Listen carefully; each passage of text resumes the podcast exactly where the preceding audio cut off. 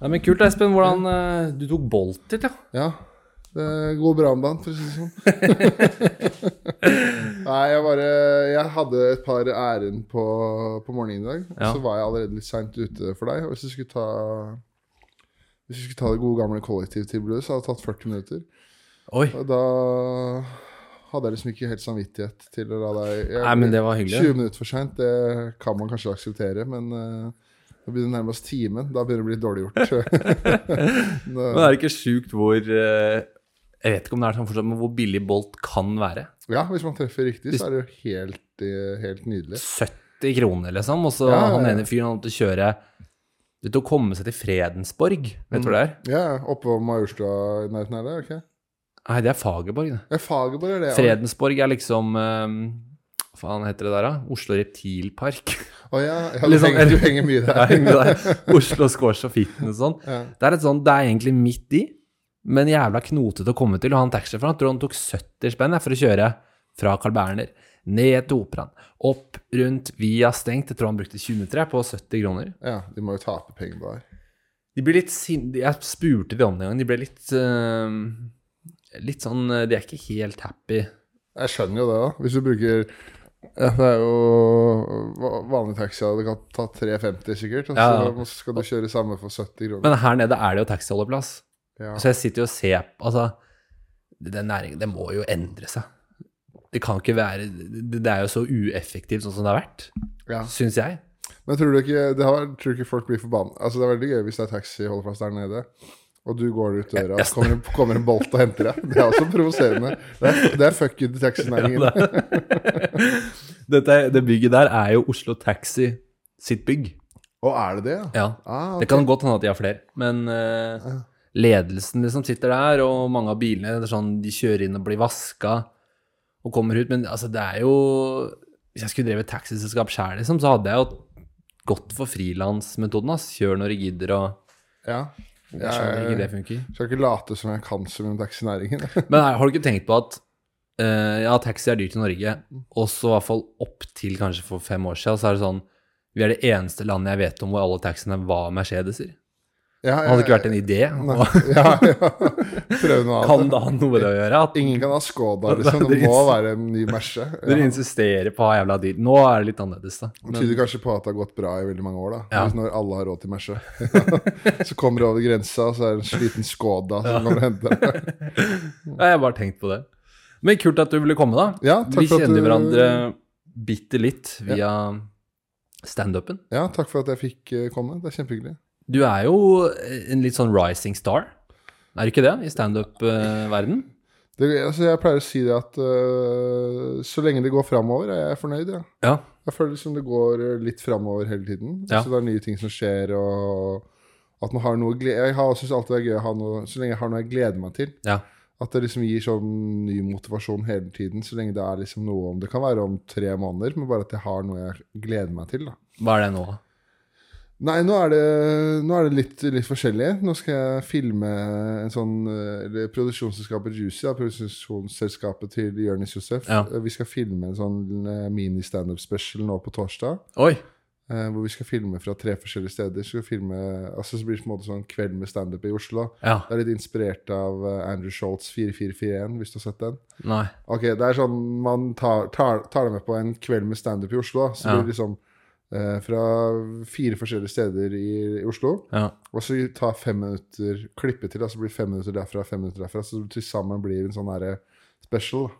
Men det er kun deg? Det er kun meg, ja. Ah. ja. Det er sånn follow-cam. Ja, så har vi For du gjør det samme, og så klipper man, da? Ja, altså, det blir jo litt forskjellig. For jeg får ikke, Ja, eh, men eh, ja, så til sammen da, så blir det 20 forskjellige minutter cirka. Det er sjukt bare å ha fire gigs på en kveld, da. Ja, så det blir ja, ja. Så det, det, er, det er jo fordi vi har jo sagt at det skal filmes og spurt Ja. om vi kan komme og sånn. Og så har folk sagt ja, det er kult. Og så har vi liksom så har liksom Jonis eh, virkelig vært jævlig ålreit og satt opp et sånt eget show på Nye. Ja. Så man vet at det kommer folk. Ja. Klokka halv elleve, liksom. Jeg hadde ikke klart å selge ut Nye halv elleve på en torsdag. Nei. Uh, men det klarer jo han. Uh, så da har han liksom ordna det. Så det er uh, Nei, så egentlig han som er liksom primus motor har ordna alt, og har egentlig vært jævlig ålreit med meg, bare. Han virker jo som han Jeg kjenner jo ikke han personlig, jeg har bare møtt han noen ganger der jeg har jobba og sånn. Men han Enten så tjener han helt uhorvelig mye penger, eller så bare bruker han veldig mye penger på bare å gjøre fete ting for andre. Jeg tipper det er en god blanding. Jeg tror han har til salt i maten. Uh, at han tjener mye penger òg. Og så er han uh, så er han jo jævlig glad i Virker som han er jævlig glad i standup og humor, og han liksom investerer i, i nye folk, da. Ja. Og så er det jo selvfølgelig et håp for han igjen der om at det her kommer til å gå jævlig bra, så han tjener mye penger på det òg. Men Mm. det er jo Jeg syns i hvert fall det er eh, en ganske sjuk investering å gjøre, da. I så Ja. mange nye folk som han har gjort. da Ja. Jeg tipper han har brukt en halv mil, jeg. På, bort på studio bort på Torsø der, på det Juicy Producer-greiene. Ja, er det, er det loftet til uh, Nye Scene? Ja, det er egentlig en, det en eh, leilighet over Nye da, som Ja. Jonis har pussa opp. Så nå er det to podcast-studioer, et sted hvor du kan ta bilder. Og så er det et kjøkken og stue og liksom litt forskjellig, da. Så det blir jævlig kult etter hvert. Men er ikke det alle sånne mm, underhold, underholdere driver med? At de jobber for andre og er liksom profiler, og så skjønner de noen sier til dem plutselig at det er fett å være programleder og tjene gode penger der, men ja. hvis du i tillegg kan si eh, vi skal ha en ny sesong, men mitt produksjonsskap skal lage det mitt eget. Det er der pengene kommer. vet du. De ordentlige, ordentlige Ja, ja, og jeg har jo jobbet for uh, Ylvis, ja, som gjorde det. De lagde Ja. Kveld med Ylvis for jeg vet ikke hvem de gjorde det med. Men sesong to så sa de bare Det kan hende at de hadde forhandla det inn, det vet jeg ikke. Men eh, vi skal lage det hos Concord, som Ja. er vårt. Skal gjøre akkurat det samme. Men alt, hvis dere vil ha Ylvis, så må det være via Concord. Ja. Det er min forståelse av det. Så det Ja, er jo tror- jævlig genialt. Erik Solbakken har gjort det samme. Eh, Espen Eckberg har gjort det samme. Kristian Ødegaard har gjort det samme. Thomas Giertsen har gjort det samme. Eh, Bård og Harald gjorde det samme, og så ble de kjøpt opp igjen. Fordi det er bare i oh, ja, hva var det de hadde? Det het Funkenhauser, så de lagde briller og sånn. Ja, ok. Ja. Og så øh, Og jeg vet overraskende mye om det her uten å ha fått Jeg bare har sett det. Men, du, ja, ikke sant? Men du har vært, du har jo på en måte vært i bransjen, da. Ja, ikke så innmari. Jeg, bare, jeg har jobbet i nyhetene mest, da. Og så litt i underholdning. Men jeg bare Du ser bare logoen på slutten, vet du. Ja, ja, Og så blir det sånn Hva er det her for noe? Og så søker du det opp, og så fant jeg det ut sånn. da. Men Jeg, tror, jeg tror du er uh, blant fåtallet som gjør det. Som liksom ser noe Faen, hva er det for noe? Så søker du opp, Eller jeg kanskje ser det igjen. Jeg vet ikke om jeg søkte på hvordan Jeg, jeg så det på en sånn nettavis.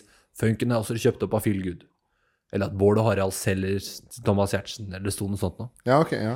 Nei, for det, det, er jo, ja, det er jo sånn man, eh, te, altså, det man te, altså Jeg tror det de fleste programledere sånn, og, som driver med underholdning, de, det er ikke noe synd på de heller. Men det er jo, men det er jo de Det er enda smartere. Det er bare smartere. smartere, ja. Så jeg tror det er samme som at uh, det, Jeg tror det liksom kommer til et punkt nå hvor veldig mange har lyst til å eie det de driver med. da. Ja. Sånn eie podkasten, så kan dere godt ha den på NRK, men Ja.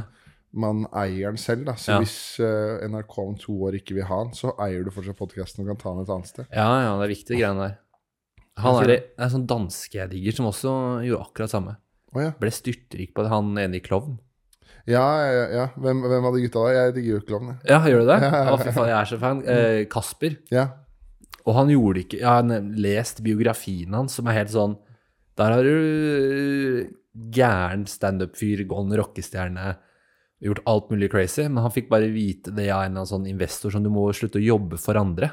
Ja, ikke sant. Ja. For det er deg de vil ha, eller du, så du bare låner deg ut. Så han hadde liksom gullrekka i Danmark på de tre kanalene. Liksom, eller Ah, TV Norge, TV 2 og DR på en måte i. Danmark, da. Så hadde han Primen og drev et sånt selskap, og de hadde I biografien så står det sånn Hver etter fredag etter innspilling så hadde de sånn afterparty, da. Det firmaet Douglas, og de hadde sånn lånt elefanter fra tivoli og leide alltid et utested, og alltid fri bar, og han er veldig sånn høy føring-fyr, da. Det er rockestjernetakter. Når du leier elefanter for å kose deg, da da har du opplevd mye. Altså. Holder ikke med noe pils og venner lenger. Det må noe sirkusdyr til. Så sånn sett så virker det som Danmark er litt fetere enn eh, fetere enn Norge.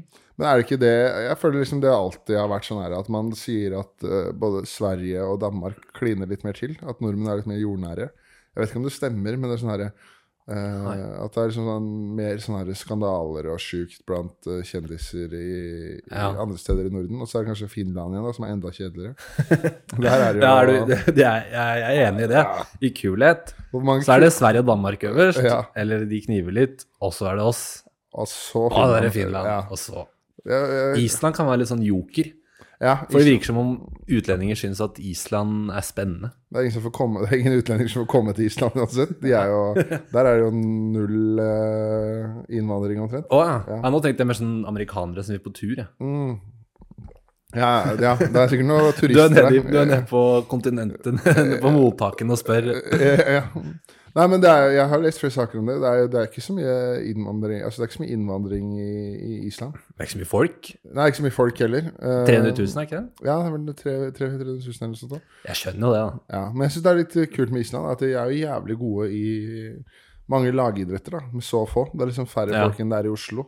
Så kan du ha et av verdens beste håndballag, du kan komme, gjøre et fotballag som er bedre Ja, ja. i Norge. Uh, så noe riktig gjør de der borte, Hva, men hva annet skal du Jeg har ikke vært der, da. nei, Har du vært der? nei, jeg har ikke vært der. Nei. Det blir to idioter som Jeg og ikke har vært der. aner De ikke hva gjør jeg prater sånn. De gjør sånn. Men det, Ja, mitt inntrykk er at det ikke er så mye annet å gjøre. ja. ja, men det er, det er sikkert uh, Jeg vet ikke hva de ikke har der som vi har i Norge. Eh, De har mangel på ting som selger fokus. Ja, ja, men ok, Hva er det de mangler der som vi har i Norge? I Island? Ved temperatur over 15 grader. Nei, Strandlinje. det er- det er- tror det er strandlinje i Island, ja.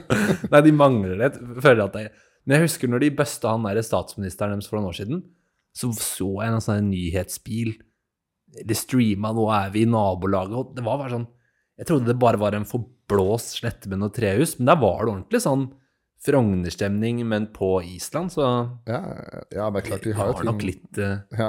Nå føler jeg, nå føler jeg at du, du ble veldig sånn herre ovenfra og ned-holdning til Island. Så bare, ja, faen, de hadde veier, vet du. Det var helt sjukt å se. Hus hadde de òg. Det var helt faen Island, vet du. Jeg er framme i skoa, de. Men det er jo den der greia med De har en app der, har jeg hørt. Det Ja. kan, det er, det er, det det sånn fettere på familie. Ja. ja en, øh, en app hvor det er sånn For alle Ja. er liksom i familie. Så liksom det er sånn app du må ta opp da for å se hvem du kan øh, ta med deg hjem en Mm. øh, fuktig fredagskveld og ikke. Enda en barriere. Det er det siste jeg trenger. Vi hadde Ja, lettest mulig. du klarer å bestå den testen, den testen, og så bare sånn Åh, må bestå Ah, den. faen, tremenningen min, da. Satan. Men du, eh, jeg inviterte deg jo egentlig fordi jeg er keen på å høre litt om eh, livet ditt som hockeyspiller, da. Ja, det er, du er en av få som hører om det, så det er jo hyggelig, hyggelig det. Ja, men jeg syns det er, eh, er litt interessant, ja, fordi det er mange som har lyst til å leve av å være idrettsutøver og tenker at det er dritfett, og så Jeg vet ikke om det er så fett, da. Men for, fortell, for du Nå driver du med standup, Ja. og på heltid. ja. Men eh, det er jo ikke så lenge siden du spilte i eh, Fjordkraft eller Gateligaen, eller hva det heter nå. Nei, det begynner, å bli, det begynner å bli noen år siden, da, men det er ikke så, det er ikke så lenge siden. Nei, altså Jeg begynte jo Jeg, er opprinnelig fra Årnes, en sånn time utafor uh, 45 minutter utenfor Oslo. Mm. Liksom eh, dritten i midten mellom Kongsvinger og Jessheim. og, og så var det veldig sånn her hockey Det er en, det er en ishall der. Og så var det liksom det årskullet mitt var veldig sånn her eh, hockeyårskull. Var veldig bra. Eh, vi hadde veldig bra lag. Vi hadde mange på kretslaget og hadde to-tre stykker inne på landslagssamling og sånn. Og så var det flere av oss da som eh, hadde lyst til å satse på hockey. Så begynte vi på NTG i Bærum, da. Ja, gjeng av dere. Ja, det var, vi var da fire stykken fra Ja. samme lag faktisk som kom inn på NTG i, i Bærum. Og så flytta vi til Asker, og så begynte vi der. Yes. Eh, og så ja, så gikk vi tre år på NTG der. Så kom jeg ganske tidlig Tidlig opp på A-laget til eh, Frisk Asker, sånn andre klasse eller noe sånt nå. Eh, og da gikk jo skolen fullstendig til helvete. Men det var jo det, Men det, det var jo ikke så veldig farlig der og da. Uh, da var det liksom bare sånn Ok, nå er det hockey, hockey, hockey. Ja, men er ikke det hele poenget med NTG, da? Jo da, men man, eh, man vil gjerne at de som går der, også skal bestå skolen. Ja, ja. Det er jo det er tilrettelagt sånn at man skal Det er det der, ja. ja, ja, ikke sant. Det, blir, det er trening på morgenen, så begynner du på skolen halv elleve, og så går du på skolen til halv tre eller halv fire. ja. Og så er det liksom blir henta inn, og så er trening. Så det er ganske, det jeg ikke har skjønt, er er det Er NTG og Nå går jeg Broren min har til og med gått her, jeg kunne jo spurt han, men, men er det mer skole og alt, eller slipper du en del skole, og så bare bytter du ut med trening? Nei, det er vel noe Det er vel, det er vel lagt til sånn at du skal få like mye skole. Og så er, Åh, det suger, da. og så er det sånn uh, Men jeg tror ikke det er tilfellet. Uh, hvert fall hvis Jeg vet ikke hvordan du var når du gikk på NTG, men du gikk jo på skolen fra Nei, broren min. Ja, men når du gikk på vanlig videregående Ja. men, Sorry. Ja. Du gikk vel på skolen fra åtte til to og tre? Ja. Ja, ikke sant? Men uh, ja. vi gikk på skolen fra elleve til 11 til halv tre og halv fire. Ah, Så jeg vet ikke Men det, det er sånn idrett. Altså idretten går vel som en del av faget, tipper jeg. ja. For det er sånn idrettslinje. Når du går ut av Norge, så har du fire gymkarakterer. Å, ja. Så Den derre gymteorien, og nå banner jeg sikkert i kjerka for de som liker sånn, men fy faen, det Den ene timen vi hadde sånn gymteori, Ja. det var kjedelig. Åssen muskelgrupper fungerer. Ja, jeg, husker sta, jeg husker jo statisk og dynamisk styrke, så det er jo, det er jo brukende på en måte. Ja. Men eh, det var bare Det virka som han derre gymlæreren der liksom bare Han, Den eh, ene gangen han må finne frem en bok i løpet av hele året, bare, ja, bare han Svar på det her, og så blir du ferdig med en dritt der. La oss komme oss videre. Ja, det er klart det. Hvis du ikke Det er som Hvis du ikke interesserer deg for det, så kan jeg se for deg at det er ganske kjedelig. Snakke om dynamiske og statiske og ulike muskelgrupper. Det er jo ikke dritkult hvis du ikke er interessert i det. Eh, så jeg gikk, jo, jeg gikk jo der, da, i tre år, og så eh, Men problemet var jo da at eh, A-laget trente jo på en måte midt på dagen. For da var jo de fleste enten proffe eller studerte Sina, men de studerte Ja. liksom på BI eller et eller annet. da Uh, Så da var jeg liksom ikke noe på, noe på skolen omtrent. Uh, var på skolen på fredager, for da, da var det ikke morgentrening. Uh, og så spilte jeg liksom i, i Frisk et par år etter eh, par år etter NTG også. Eh, og så spilte jeg i, i Lillehammer, da. Ja. Det, var, det var også veldig gøy å være i Lillehammer. Eh, jeg hadde liksom aldri vært noe særlig i Lillehammer, men eh, der trivdes jeg egentlig jævlig godt. På, Ja. Det var, synes jeg var veldig gøy å være. Selv om vi, vi hadde jævlig dårlig lag det året, eh, og gjorde det jævlig dårlig, men vi hadde det jævlig gøy utafor isen, da. Ja, du var ikke Ja, det lurer jeg på. Hvor seriøs trenger man å være? Altså, klar, klarer du å nyte Klarte å nyte ting Nå sa du det, da. Du klarte å nyte ting selv om det gikk dårlig sportslig? Ja, men, men, i hvert fall vi hadde jo gøy. For det, på, på Lillehammer, som var kult Lillehammer, var et ganske ungt lag. Mm. Og så får man liksom leilighet eh, I hvert fall jeg, jeg fikk, fikk liksom leilighet av klubben, da. Ja. Og det var en sånn blokk, og der var det nesten bare folk på laget. For det var en eller annen rik onkel da, som eide de blokkene. Ja. Så hadde han gitt det til Lillehammer ishockeyklubb for å disponere de. Ja. Og så var det liksom tolv hockeyspillere i én blokk. da Så det var liksom spiste middag sammen og sånn. Det var liksom ikke så mye Altså når jeg snakker om Jeg tenker du tenker på fyll og sånn. Kanskje fylla. Det var ikke så mye fylla, for det var Nei. ofte Det var sånne kamper Ja, på dere- søndager. For det tar bare mikken bitte litt lenger unna. Ja. Um, det var eh, Jeg har jo bare sett mye på Iskrigerne, da. Det er jo noe så inn i helvetes tett kampopplegg. Ja, det er jo to kamper i uka. Å, jeg trodde det var mer. Nei, det var sånn to, tre ja, eh, som regel to, og så høysesongen er det tre, da.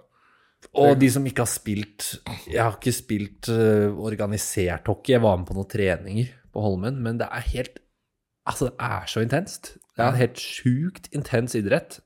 Og du må jo følge med, for du kan jo bli smekka ned som helst. Så det er ordentlig sånn Ja, det er, det er, ja. det er, jeg, jeg, jeg, Da spilte jeg fotball og Kanskje si litt om at jeg ikke trente hardt nok fotball, da. Men uh, jeg husker det var når du er ferdig med hockey, så er det nesten som, nesten som du har drevet og bryte med noen. Liksom. Det er ordentlig intenst. Ja, det er veldig sånn der, eh, Veldig intenst over kort periode. For det er sånn du, eh, Det er sånn gammel kødd når man gikk på en tid, at jo, men hockeyspillere bytter jo hvert 45, 45 sekunder, så bytter man, ikke sant. Eh, men man hadde jo ikke klart å spille i 60 minutter uten Nei, de byttene her. Da hadde Man havna i rullestol etterpå.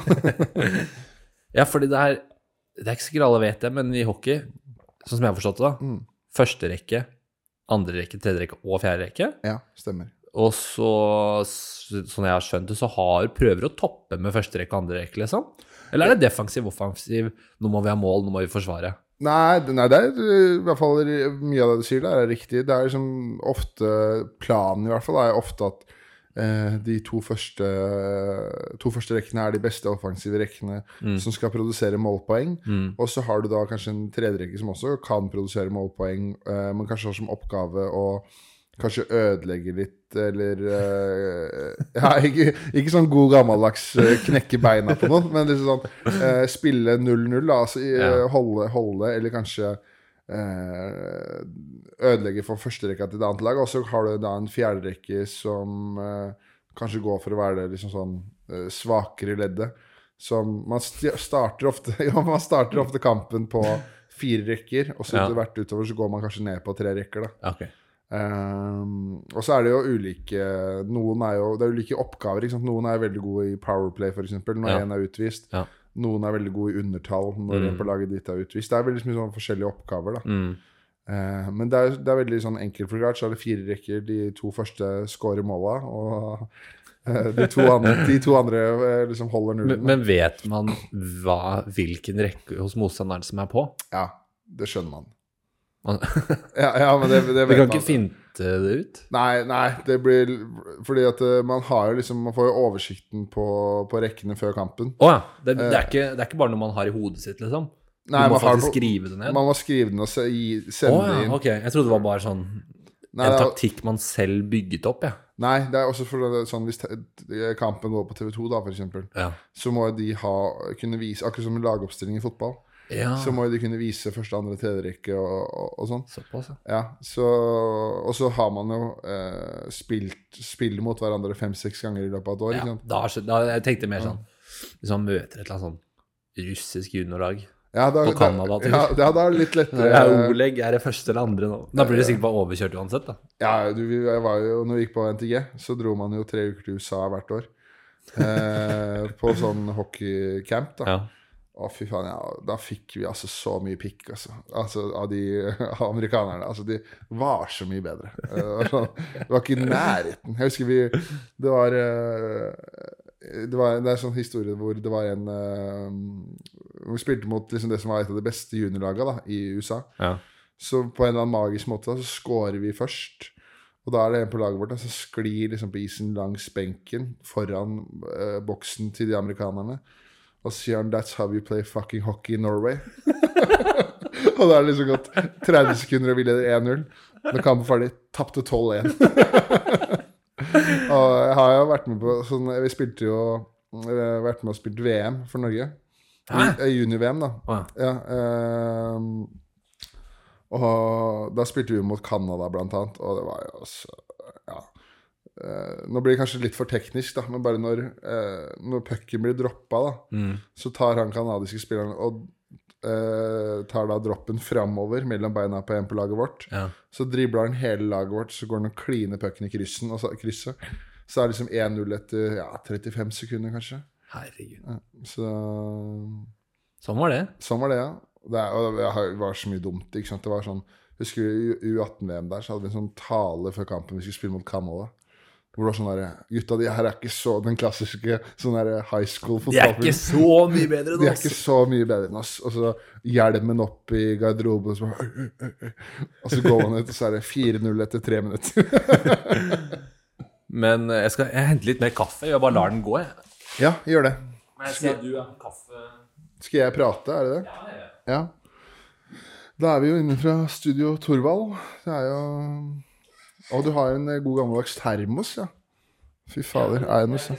hvis den står på den der røde varmen, så blir den sånn Det kan vel bli brent, tror jeg. Ja, men jeg tenker mer at den blir sånn fordamper. Altså, for da står den jo, og alt vannet forsvinner, så blir det bare sånn sur syre til slutt. Ja, jeg vet ikke. Det er derfor sånn arbeidsplasskaffe er så nasty. Ja, men jeg er helt herda, jeg. Jeg kan drikke den sureste kaffen du har. For jeg har jo sittet på ulike universiteter og skoler, og der er det mye dårlig kaffe, ass. Du bare, er nesten så du må ha med en kopp, for den pappkoppen øh, etser gjennom i bånn av, i bånn av koppen der. Er det der du har din kaffe? Fordi når jeg spurte om du ville være med her, så hadde vi hatt sånn standup-show sammen på, på Sankthanshaugen her, og så sa du bare 'bare få på kaffen'. Ja, ja, ja. Og i hodet mitt da så tenkte jeg at eh, det er den der pappkopp og sånn Jofa-stillongs At det er der du har fått din Ja, kaffeerfaring fra. ja, det blir noe, det blir noen kaffekopper rundt i ishaller òg, ja. Det er liksom For de bare sitter rundt med lua sånn rett på, eller capsen bak fram, og så helt sånn horisontalt. Den skal være helt rett. Og snusleppe. Ja, Og så er det bare. Er det faen meg mulig? Det er der du har det Ja, fra. ja. Det, er, Det virker veldig hyggelig. Ja, det er veldig koselig. Nei, det var jo liksom sånn her, det blir sånn ritual da, når du kommer i garderoben, Ja. eh, får seg en kaffekopp, og så har jeg liksom bare tatt eh, Så jeg drikker mye kaffe. Eh, Er det sånn kaffesnobb, Tim Wendelboe-nivå? nei, nei, jeg kan drikke hva som helst. Har du vært på den? Den derre Nei, jeg har ikke det, altså.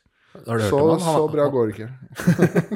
jeg hører hva Team Wendelbo, det har ikke jeg råd til. Nei, jeg, jeg snakket med en som jobbet på Kaffebrenneriet, som fy fader, de pisker de daglige lederne sine. Altså, de tar bare noen sånn sånn flinke, organiserte jenter, kaller dem daglig leder, betaler dem mindre enn en produksjonsassistent, eh, praktikant, Ja. og pisker dem rundt. Men hun likte ikke Te- Team Wendelbo, for han var for snobbete. Mente, det er jo han som var verdens beste barista. Da. Men er det Som er nå, han har jo kjappe nede på Grünerløkka. Rundt den der basketbanen. men det, Og jeg trodde du mente at Tim Wendelbo jobba på kaffebrenneri. Jeg bare, det var jo Nei. Nei, det var dårlig fortalt. Jeg skulle bare, jeg- For Tim Wendelbo så tok jeg spor via noen jeg kjente, Ok, som hadde ja, dissa han. Ja, skjønner. Fordi de mener at han er for liksom Snobbete, ja. Ja, det er jo Man skal ikke ha ka- kaffe med melk, Jeg er jo ut for mange år siden, og Det er jeg enig i. Ja. Ja, jeg vil ikke ha kaffe med melk. jeg. Nei, det kan være digg innimellom, men eh, er det blir fort jævlig melkete. Ja, nei, jeg er veldig, veldig enkel der. Jeg vil enten ha jeg- Det er tre ting jeg kjøper. Vanlig svart kaffe, americano eller espresso. Ikke noe annet. Nei. Uh, nei, men jeg orker ikke noe sånn sjoka-moka latte Nei. med sirup og Ja, fordi det, det er du meg, så er det et sånn tegn på at du er et barn. Ja. Og så kjæresten min sånn Å, kan dere ta på en sånn De derre store dutt-durtene som vanilje og karamell Ja, Da ble jeg bare sånn Nei, kom igjen, da. Er du logga? Det er ikke derfor jeg drikker det her. Jeg visste jeg ikke skal bli sammen med en 16-åring, tenkte Ja. jeg. Huff, da. Det var, da dreit jeg meg ut. Nei, men øh, øh, hvordan, når du spiller da på Frisk, da Jeg er jo fra Asker, jeg òg. Ja, det fortalte du meg. Ja. Ja. Så eh, broren min har spilt eh, på liksom alle de barnelagene. Okay, jeg bare kan jeg si en ting før vi går videre? Ja. Jeg, når vi, snakka sammen, og, og du hadde lyst til å ha med på podkasten, så virka det liksom som at uh, hockey det var litt sårt for deg, virka det som. ja. Ja, fordi uh, du hadde litt, litt sånn blanding av bitter og leide. ja. Ja, fordi du, Sånn er jo mye ting. ok, ja. For det var sånn at du hadde vært på trening, men du liksom følte at øh, det ikke var noe gøy, Du passa ikke inn, eller hva? Ja. ja det, er, du har, du har, det er helt riktig. Mm. Begge brødrene mine spilte på alle mulige sånne barnelag. Jeg var mye med, jeg spilte mye på Risenga. ja. Og var ganske ok. Jeg var ikke, noe sånn, jeg var ikke bedre enn de andre, men jeg holdt nivået. Så når jeg var med på noen treninger i 7. klasse, så opplevde jeg bare at det var et mye, mye røffere miljø enn hva jeg var vant til fra fotball og ski og alt, skating og alt jeg hadde holdt på med. Så det var så sånn Det kan hende det er fordi da kommer du inn som ny, ikke sant. ja. Jeg var med én Eller jeg kjente to av de som gikk på i klassen min. Men de var ikke noe sånn De var ikke de store brautende gutta der. Så det var veldig mye sånn melding, og man er litt sånn ny og er jeg god nok og mye jeg, vet, jeg visste jo ikke hvordan man tok på utstyr engang. Nei, ikke sant. Nei. Ja, for det er, altså, jeg, har, jeg har aldri hatt på hockeyutstyr. Nei, bare skøyter. Men jeg har bare spilt veldig mye på Løkka, da. Så sitter det tre idioter og frimelder på deg. ja, de, jeg slapp egentlig veldig billig unna, fordi jeg var ganske stor, da. Og det var også veldig deilig når du begynner å få jeg var, du, først, jeg var egentlig bare første gang som var litt skummel, da. Men jeg var en bekymra unge. Jeg er litt bekymra innimellom fortsatt. Så det er, det er mer det. Men bare, Og broren min, som også var litt sånn tøff guy-fyr. Bare det han forteller om som skjer på cuper, de skulle takke hverandre fra kampen, og så var det en som bare klinte til i magen på den andre, så han bare, bare kollapsa helt. Og de var sånn var ni år. Ja, ja. Det, er klart, det er jo noen eh, det, er klart, det er jo noen niåringer og tiåringer der som spiller hockey. Og så, tenk, tenk, liksom, de har sett på TV at det er lov å slåss, og det er jo ikke lov å slåss. Og så Nei. kommer du ut på banen der med psyko ADHD og tenker nå skal jeg få utløp for noe jeg ikke får hjemme. Ja. Det er klart, det er, det er farlig. Og de, de som spilte hockey på skolen min, ehm, de var sånn Å, vi, i går så bare alle begynte bare å banke hverandre i garderoben. Han fortalte For vi spilte jo Alle spilte jo i hvert fall fotball, så du hørte jo via det derfra. Det var for et røft eh, For et bøllete miljø. Men det er, det er noe jeg syns det er så beskrivende for uh, hvordan man forandrer seg, da. Sånn når man blir, blir eldre, spesielt som, uh, som gutt og mann. da Sånn som når man er ni år, da, så er det dritfett å banke hverandre. Og Hadde liksom hørt en kompis av deg nå da kom til deg og sa faen, jeg var på byen i går, jeg banka noen. Så faen, faen gæren er hvor harry går det an å bli, liksom? Det er største taperen jeg har hørt om. Ja, det var bare mer personlighetstypen til de som spilte hockey, var litt mer de bøllegutta. Ja. Ja, det, det Var det ikke sånn på Årnes? Uh, nei, altså det, Så blir de liksom myke etter hvert, da. Eh, Ja, det kan, det kan godt hende, men jeg følte liksom at det var veldig mye forskjellige typer da, som spilte, som spilte hockey. Det var veldig sånn uh, På Hornets var det ofte sånn de som spilte fotball, spilte også hockey. Ja. Uh, det var veldig Det var selvfølgelig ikke Alle gjorde ikke det, men det var veldig, veldig sånn stor overlapp. Eh, så man ble liksom veldig gode venner. Og, men jeg kan, jeg kan se for meg at eh, hvis man kommer inn der som ny, da, sånn som du gjorde, Ja. Eh, i, i en sånn Det gjelder jo fotball òg, men der er jo i en garderobe, da, så er det jo veldig høy takhøyde. Mm. At man kan si og tulle Ja, ja. veldig mye med hverandre. Så hvis man kommer inn der, rett inn der uten å kjenne noen og liksom Mm. ikke er vant til det, så kan jeg skjønne at det virker veldig sånn der Satan, hva er det som skjer her? Her er det jo Vietnam i den garderoben, garderoben her. Men så tror jeg liksom det kommer fra ofte fra et godt sted, da, sånn egentlig. Ja. ja, og jeg, jeg tror det var, Hos oss var det jo Det er to hockeylag i Asker. Det er Holmen og Frisk Asker. Og Frisk Asker er der du spiller hvis du vil bli god, eller er god. Holmen, det er sikkert noen gode der òg, men det er litt sånn De som bare vil ha det, Altså, Frisk Asker er litt sånn satt De er litt gode, liksom. Og det er litt sånn aggressiv holdning generelt. Var. Så eh, det er mer Altså, når jeg bare får høre om alle de sjukeste tingene som har skjedd på en eller annen Frisk-samling, og er sju år og sitter og hører på broren min og sånn ah, Ja. Blir Knuste trynet igjen i isen. Men eh, jeg tror egentlig at eh, ja, det gikk jo kjempefint, og man uh, sklir jo inn i det. Og jeg husker det var deilig med den Jeg var så jævlig dårlig på sånn slagskudd. Ja. Jeg fikk jo ikke pucken opp, så det var så kleint. Ja. Men så var det Og da var vi tolv år, en som skulle takle meg. Og han kommer, kjører full fart inn, og han spretter av gårde og faller. Og da var, da var det deilig. Da kjente jeg sånn Ok, jeg er faktisk større og sterkere enn de fleste her, så det er ikke så farlig. Det Da, du, da var du endelig helt på innsiden. da forsvant alle der, bekymringer. ja, du, du er jo nysgjerrig, ikke sant? Hvor dårlig kom jeg til det, Og ikke at tolv år er så gammelt, men uh, liksom, da er du liksom kommet litt opp i det. Og så var jeg var vant til å være ganske sånn god i fotball. Ja. For hvilken eh, årskull er du? 94. 94, ja. Mm. Så i fotballverden så var det ikke noe Da var jeg den som kunne herse med folk, liksom. Fordi Så nå kommer sannheten frem. Det Ja. var egentlig bare at eh, når du begynte på hockey, så var du ikke best til å kunne være ekkel. Ja. Da ble du usikker, for du var vant til fotballen hvor du Ja, men jeg har skjønt jo eldre jeg ble at jeg var ganske mye bekymra da jeg var liten. Da har jeg ikke tenkt Jeg har ikke skjønt helt at det var det det var. Har du noen gang funnet ut, uh, ut hvorfor? Du var ikke bekymra? Nei. Kom... Bare høy på engstelse. Du kommer fra et trygt hjem med fire vegger, liksom? Det er bare noen er bekymra. Altså sånn er Det er faen, jeg. Men det har jo fått roa seg ganske betraktelig etter hvert. Og jeg husker jeg var helt forferdelig på fotballbanen da jeg var liten. Jeg vet ikke hvordan du var i Var du ferdig til å melde og sånn? Jeg var ikke så ferdig til å melde, men jeg ble, hadde jævlig eh, Jeg har jævlig konkurranseinstinkt. Ja. Så jeg er jævlig dårlig taper og jævlig dårlig vinner. uh, sånn enten utro... altså Det var sånn Var tolv år, så var det sånn hvis vi tapte, så begynte jeg å grine. ja. Og hvis vi vant, så var jeg verdens ekleste. liksom sånn, det verste rasshølet du kan tenke deg. Ja. Men, men så har jeg på en måte eh, Jeg har liksom jobba med å bli kvitt det konkurranseinstinktet litt. ja. Fordi at det var sånn Det ødela alt. Jeg kunne spille kort. Jeg. Men det var litt sånn eh, Jeg var på hyttetur med svigerforeldrene mine. Og så spilte jeg kort, og så tapte jeg 500, eller hva faen det kortet er. Og så ble jeg sånn oppriktig sint. Det var sånn jævla horekunde. Og det var sånn, Hva er det du sier for noe? Og det var en annen gang også hvor eh, Det mener jeg samboeren min må ta litt av, ta litt av skylda for. Og da. Vi spilte sånn her Hva heter det for noe? Eh, jeg husker ikke hva vi spilte, da, men så tapte jeg mot samboeren min. Mm. Og da ble, da ble jeg så sint, så jeg tok kortstokken og kastet kortstokken i veggen. Og så begynner samboeren min å grine. For hun sier at de korta hun arva fra sin avdøde mormor. Og det er det hun har igjen av mormora si. Så hvordan i helvete skal jeg, skal jeg vite det? At du har arva de korta av mormora di? Det ja. Men gjør du noe bare hive arvekort på bakken, da? Nei, men jeg kasta det vel i veggen, tror jeg. Uh... Så hvert av de 52 kortene fikk en bøy som ikke kan fikses Nei. Nei! Kortene! Kortene fra mormor!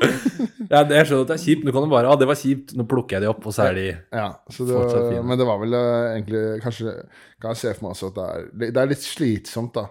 Ja. Å sitte Ja, aleine sammen med samboeren din og spille kort. Og hvis han taper, så tar han og reiser opp og skriker og pælmer kortstokken i veggen. Det er ikke så veldig hyggelig, det. Ja, så må du jobbe med det. Mm. Og klarer det. Det er jeg blitt bedre på. Ja, jeg har også blitt mye bedre. Men jeg har begynt aldri å gråte av sånne ting, men da jeg var liten, så fikk jeg Og jeg tok det så seriøst. Det var vel det at jeg var så opptatt av å vinne at eh, på fotballaget vårt, hvis vi ikke vant, så ble jeg så forbanna. Eh, på, spesielt på trenerne. Jeg husker de skøyt. De kunne skyte ballen høyt og langt. Vi kunne ikke det. Hadde, så jeg sa vi må trene på skyting. Og vi gjør bare de samme kjedelige firkantøvelsene og hedde og bare sånn basisøvelser. Nå, da er vi åtte eller ni år. Og jeg blir så irritert på treneren og sier vi kan ikke holde på å tape oss. Vi må skyte, vi må øve på å skyte. Det var sånn de slo oss. Vi må også lære oss å skyte ordentlig. Og jeg bare står på, står på, står på, står på, står på. Og han blir så sint at en voksen mann bare Hvis du tror du er så jævlig god, Orvald, så begynn på Manchester United i morgen. Så tar han seg fløyta, tar han på meg, nå får du trene resten av treninga, og så bare går han. Nei. Jo, da er jeg åtte år, og så sitter han, og det er faren til en, og da husker jeg sånn da, Det var liksom vondt, for det blir sånn kleint og flaut. Ja, det, Men det er hvordan jeg hele tiden Jeg var helt gal. ja, men det, det tyder på at det ga inntrykk på deg, ikke om du husker det så klart. Ja, ja.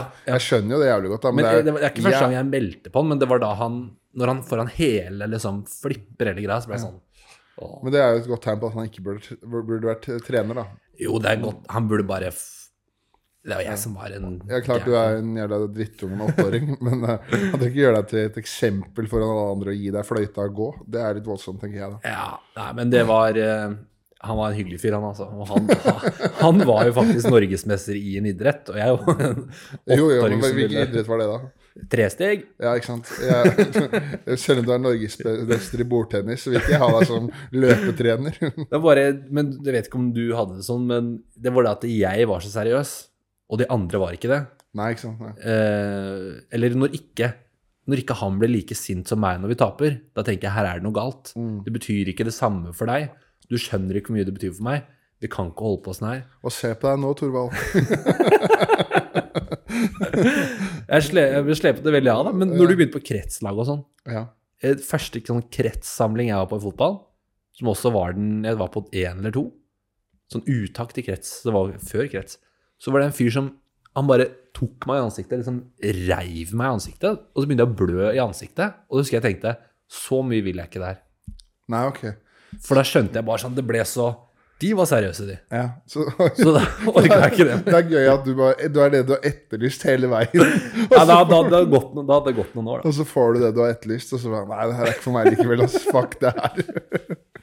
Det her går ikke.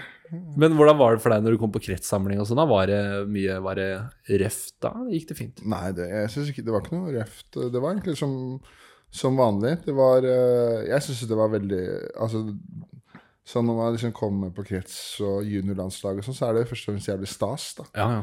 Man, det er jo veldig kult å få lov til å være med på. Uh, og man blir liksom sånn her, litt sånn her æresfrykt, nesten. Sånn at man har lyst til å gjøre det bra, gleder seg og uh, Nei, det har, jeg har ikke noe vonde minner fra det.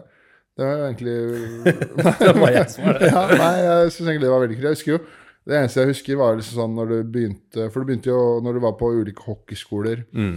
rundt på sommeren før liksom landslagssamlinger og sånn, før du var gammel nok til det. Så blir man jo kjent med en del folk, og man vet jo hvem de beste folka er på Du ser det på sveisen. Ja, man ser det det. Hvor lenger bak han er, jo bedre er de. Nei. Men, øh, nei, så, men jeg husker det var sånn herre øh, En ting jeg tenkte på når jeg begynte å komme på sånn U16-landslag, f.eks., Mm. var at jeg husker de folka som spilte Jeg syns de folka som spilte på Oslo øh, Oslo-klubber, som Vålerenga og Mangler og sånn, uh, var liksom mye mer tok, tok mye mer plass, da. Ja. At de var liksom vant Det virka som de var litt mer vant til å liksom Ok, kanskje litt sånn som du opplevde, da. At jeg kanskje ble litt mer deg der. Men det, plag, det plagde meg ikke, da. Nei, nei. At uh, de to At jeg ikke tok så mye plass og sånn. For de var jo ofte uh, mange flere fra laget sitt på, Mm. uh, på landslaget. Så det var liksom sånn Hadde en trygg havn med Ja, ja. Så var de, mye lettere. de virka som de hadde vært der før. Og så Ja, var det ja. sånn Er ikke dette første samling? Ja. Så var det på Ja, ja. nå, Jeg var aldri på noe kretslag, altså. Det var ikke sånn kretsuttak. Men Stabæk-spillerne, Ja, når du møtte de på Kadettangen, de var sånn, de virka som de hadde gjort det her tusen ganger før. Ja, men det er litt Og de lettere. var jo også overlegent mye bedre, da. Det er mye lettere enn det er åtte stykker fra laget ditt der, da. Det er nesten som en vanlig trening. Ja, så kommer du aleine fra eneste fra Asker fotballklubb som tar det seriøst. Nei, Asker er faktisk ganske gode. Dette er, jeg var på spilt på noe som het Vollen, jeg, som er bare sånn lite Ok, eneste fra. Vollen. Jeg tror alle fikk sende to eller noe sånt, så var jeg var ikke helt alene. Men eh, ja, det ble ikke noen fotballspiller av meg. Men det er like greit. Men hvor mye levde du av det sånn når du spilte på fritt? Det er, det er full lønn? Eh, ja, men jeg, jeg, jo, jeg, jeg gjorde det, men det var jo fordi Altså, det var fordi jeg var veldig ung, da. Ja. Så det var jo altså, sånn jeg gikk jo på Når jeg gikk på NTG, så Eller jeg gikk fortsatt på videregående, og man da får gratis leilighet og noen tusenlapper i måneden, Ja, ja. så føler man seg som en konge. ja det, Jeg har aldri vært så rik som det jeg var Jeg det var siste året på NTG der, når du får eh, leilighet, og lønn. ja. Du, jeg følte jo at jeg var Jeff Bezos, ikke sant? At jeg kunne gjøre hva jeg ville. Herja på trekanten. Ja, ikke sant. Jeg dro på Intermesso der og fikk meg en eh, taco et eller annet der, og var helt konge. Eh, så jo, men det, det, det, er jo, det er jo en del som Det er en del som lever av det. Ja. Eh, men det blir jo ikke penger Altså, jeg tror de fleste, uh, i hvert fall jo eldre man blir, prøver å ta en utdannelse og ha en liten jobb siden av. ja, ja.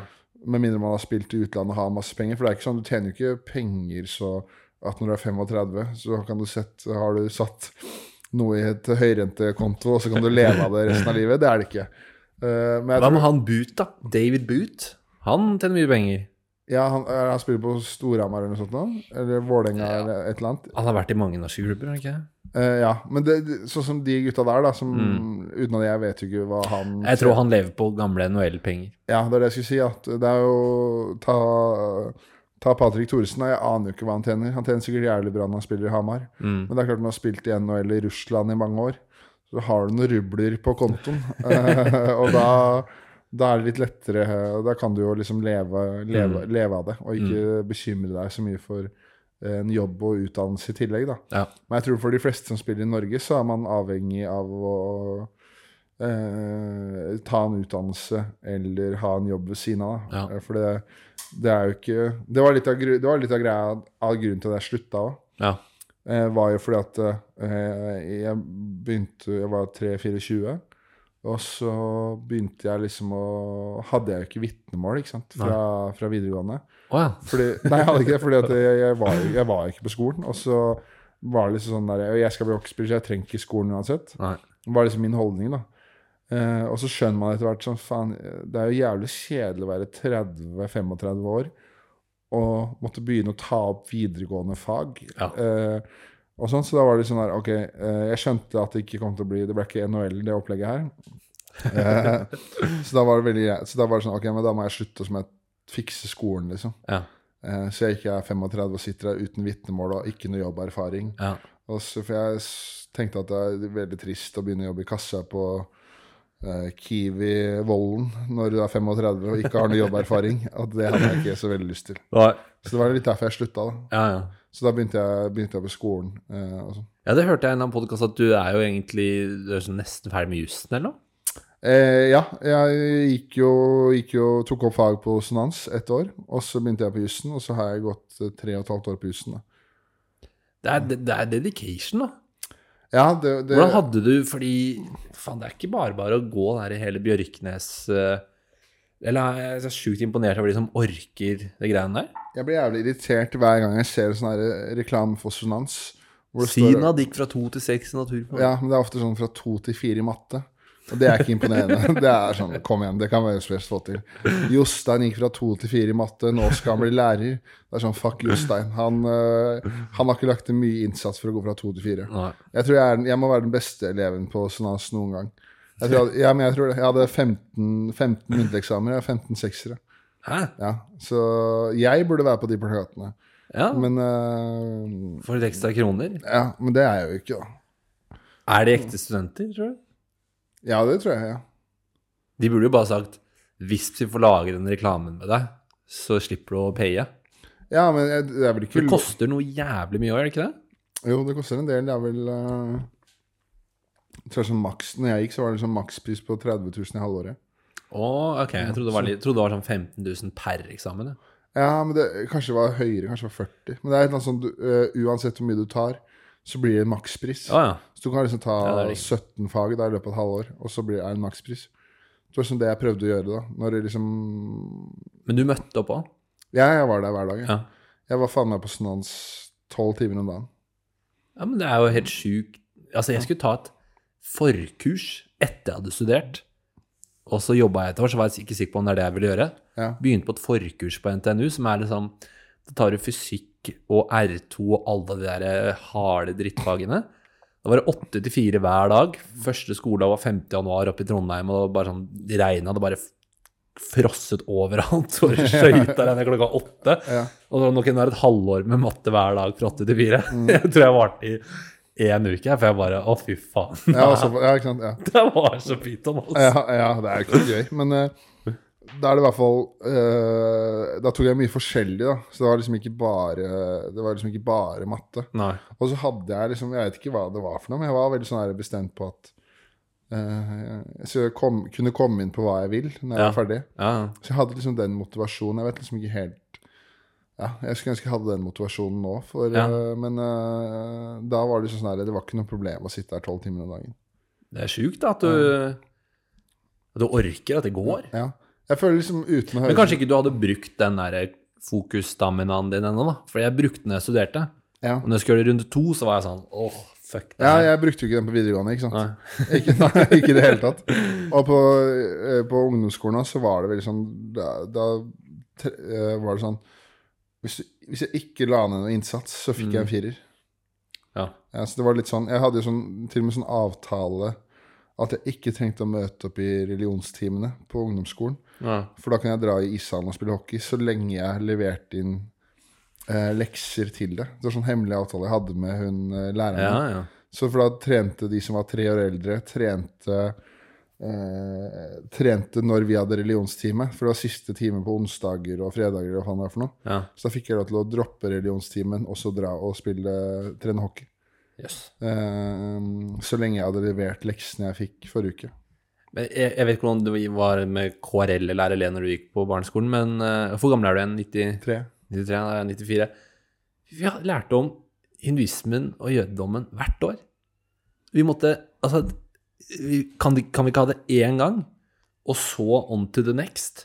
Altså, det var sånn Ja. Jeg føler at jeg kunne huske liksom der, de tre pilarene innen Ja, nå har jeg glemt alt, da, men det var voldsomt så mye vi skulle kunne om de greiene. Og vi måtte sånn- svare på hvilken gud er dette i hinduismen. Sånn ulike ja. poses og sånn. Du var litt mer sånn her Få den ekte guden Jesus Kristus.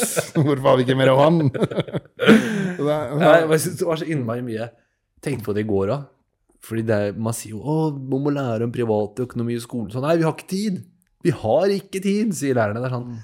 Vi hadde så jævlig mye norsk. ja. Trenger vi så mye norsk? Nei, det er det, da. Men jeg vil jo se for meg f.eks. Uh, jødedommen og hinduismen og sånn, det er kanskje ikke gjort på et kvarter, da. Nei, nei. Det, var ikke, det er ikke noe galt å ha det, men vi hadde det så ofte. Mm. Vi hadde det i åttende og i niende og i tiende. Ja. Kanskje droppe en time for å lære om renta? Er det det du etterlyser? ja.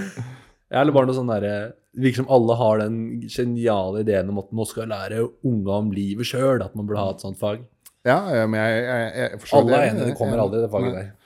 Det er vel eh, Nei, det virker ikke som det blir gjort noe med. Det er vel snakka om i 15 år at man kanskje burde ha noe å lære folk eh, om litt økonomi og hvordan ting fungerer. Men så er det jo viktigere tydeligvis da å lære seg å bøye nynorsk. Så Ja. Men jeg, jeg, vet ikke hva som er årsaken til det. Uh, Det går jo bra med de fleste. jeg gjør det, det. Jeg gjør ikke det? Ja, og kanskje de fleste, men uh, det er mange det går til helvete med òg. Ja, ja. Jeg var senest uh, gjorde standup uh, borte ved uh, Hva heter det for? Storgata der på lørdag. ja. Ikke alle det går bra med der, altså. Det er noen som skulle hatt litt mer hinduisme der, tror jeg. Ja, jeg syns det Nei, skolen gikk fint, egentlig. Jeg syns ikke det var så pyton.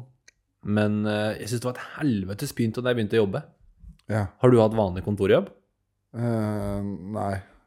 For det, det var Det syns jeg var et sjokk. Men jeg har hatt, jeg har hatt jævlig mange jævlige jobber, da. Ja, hva da?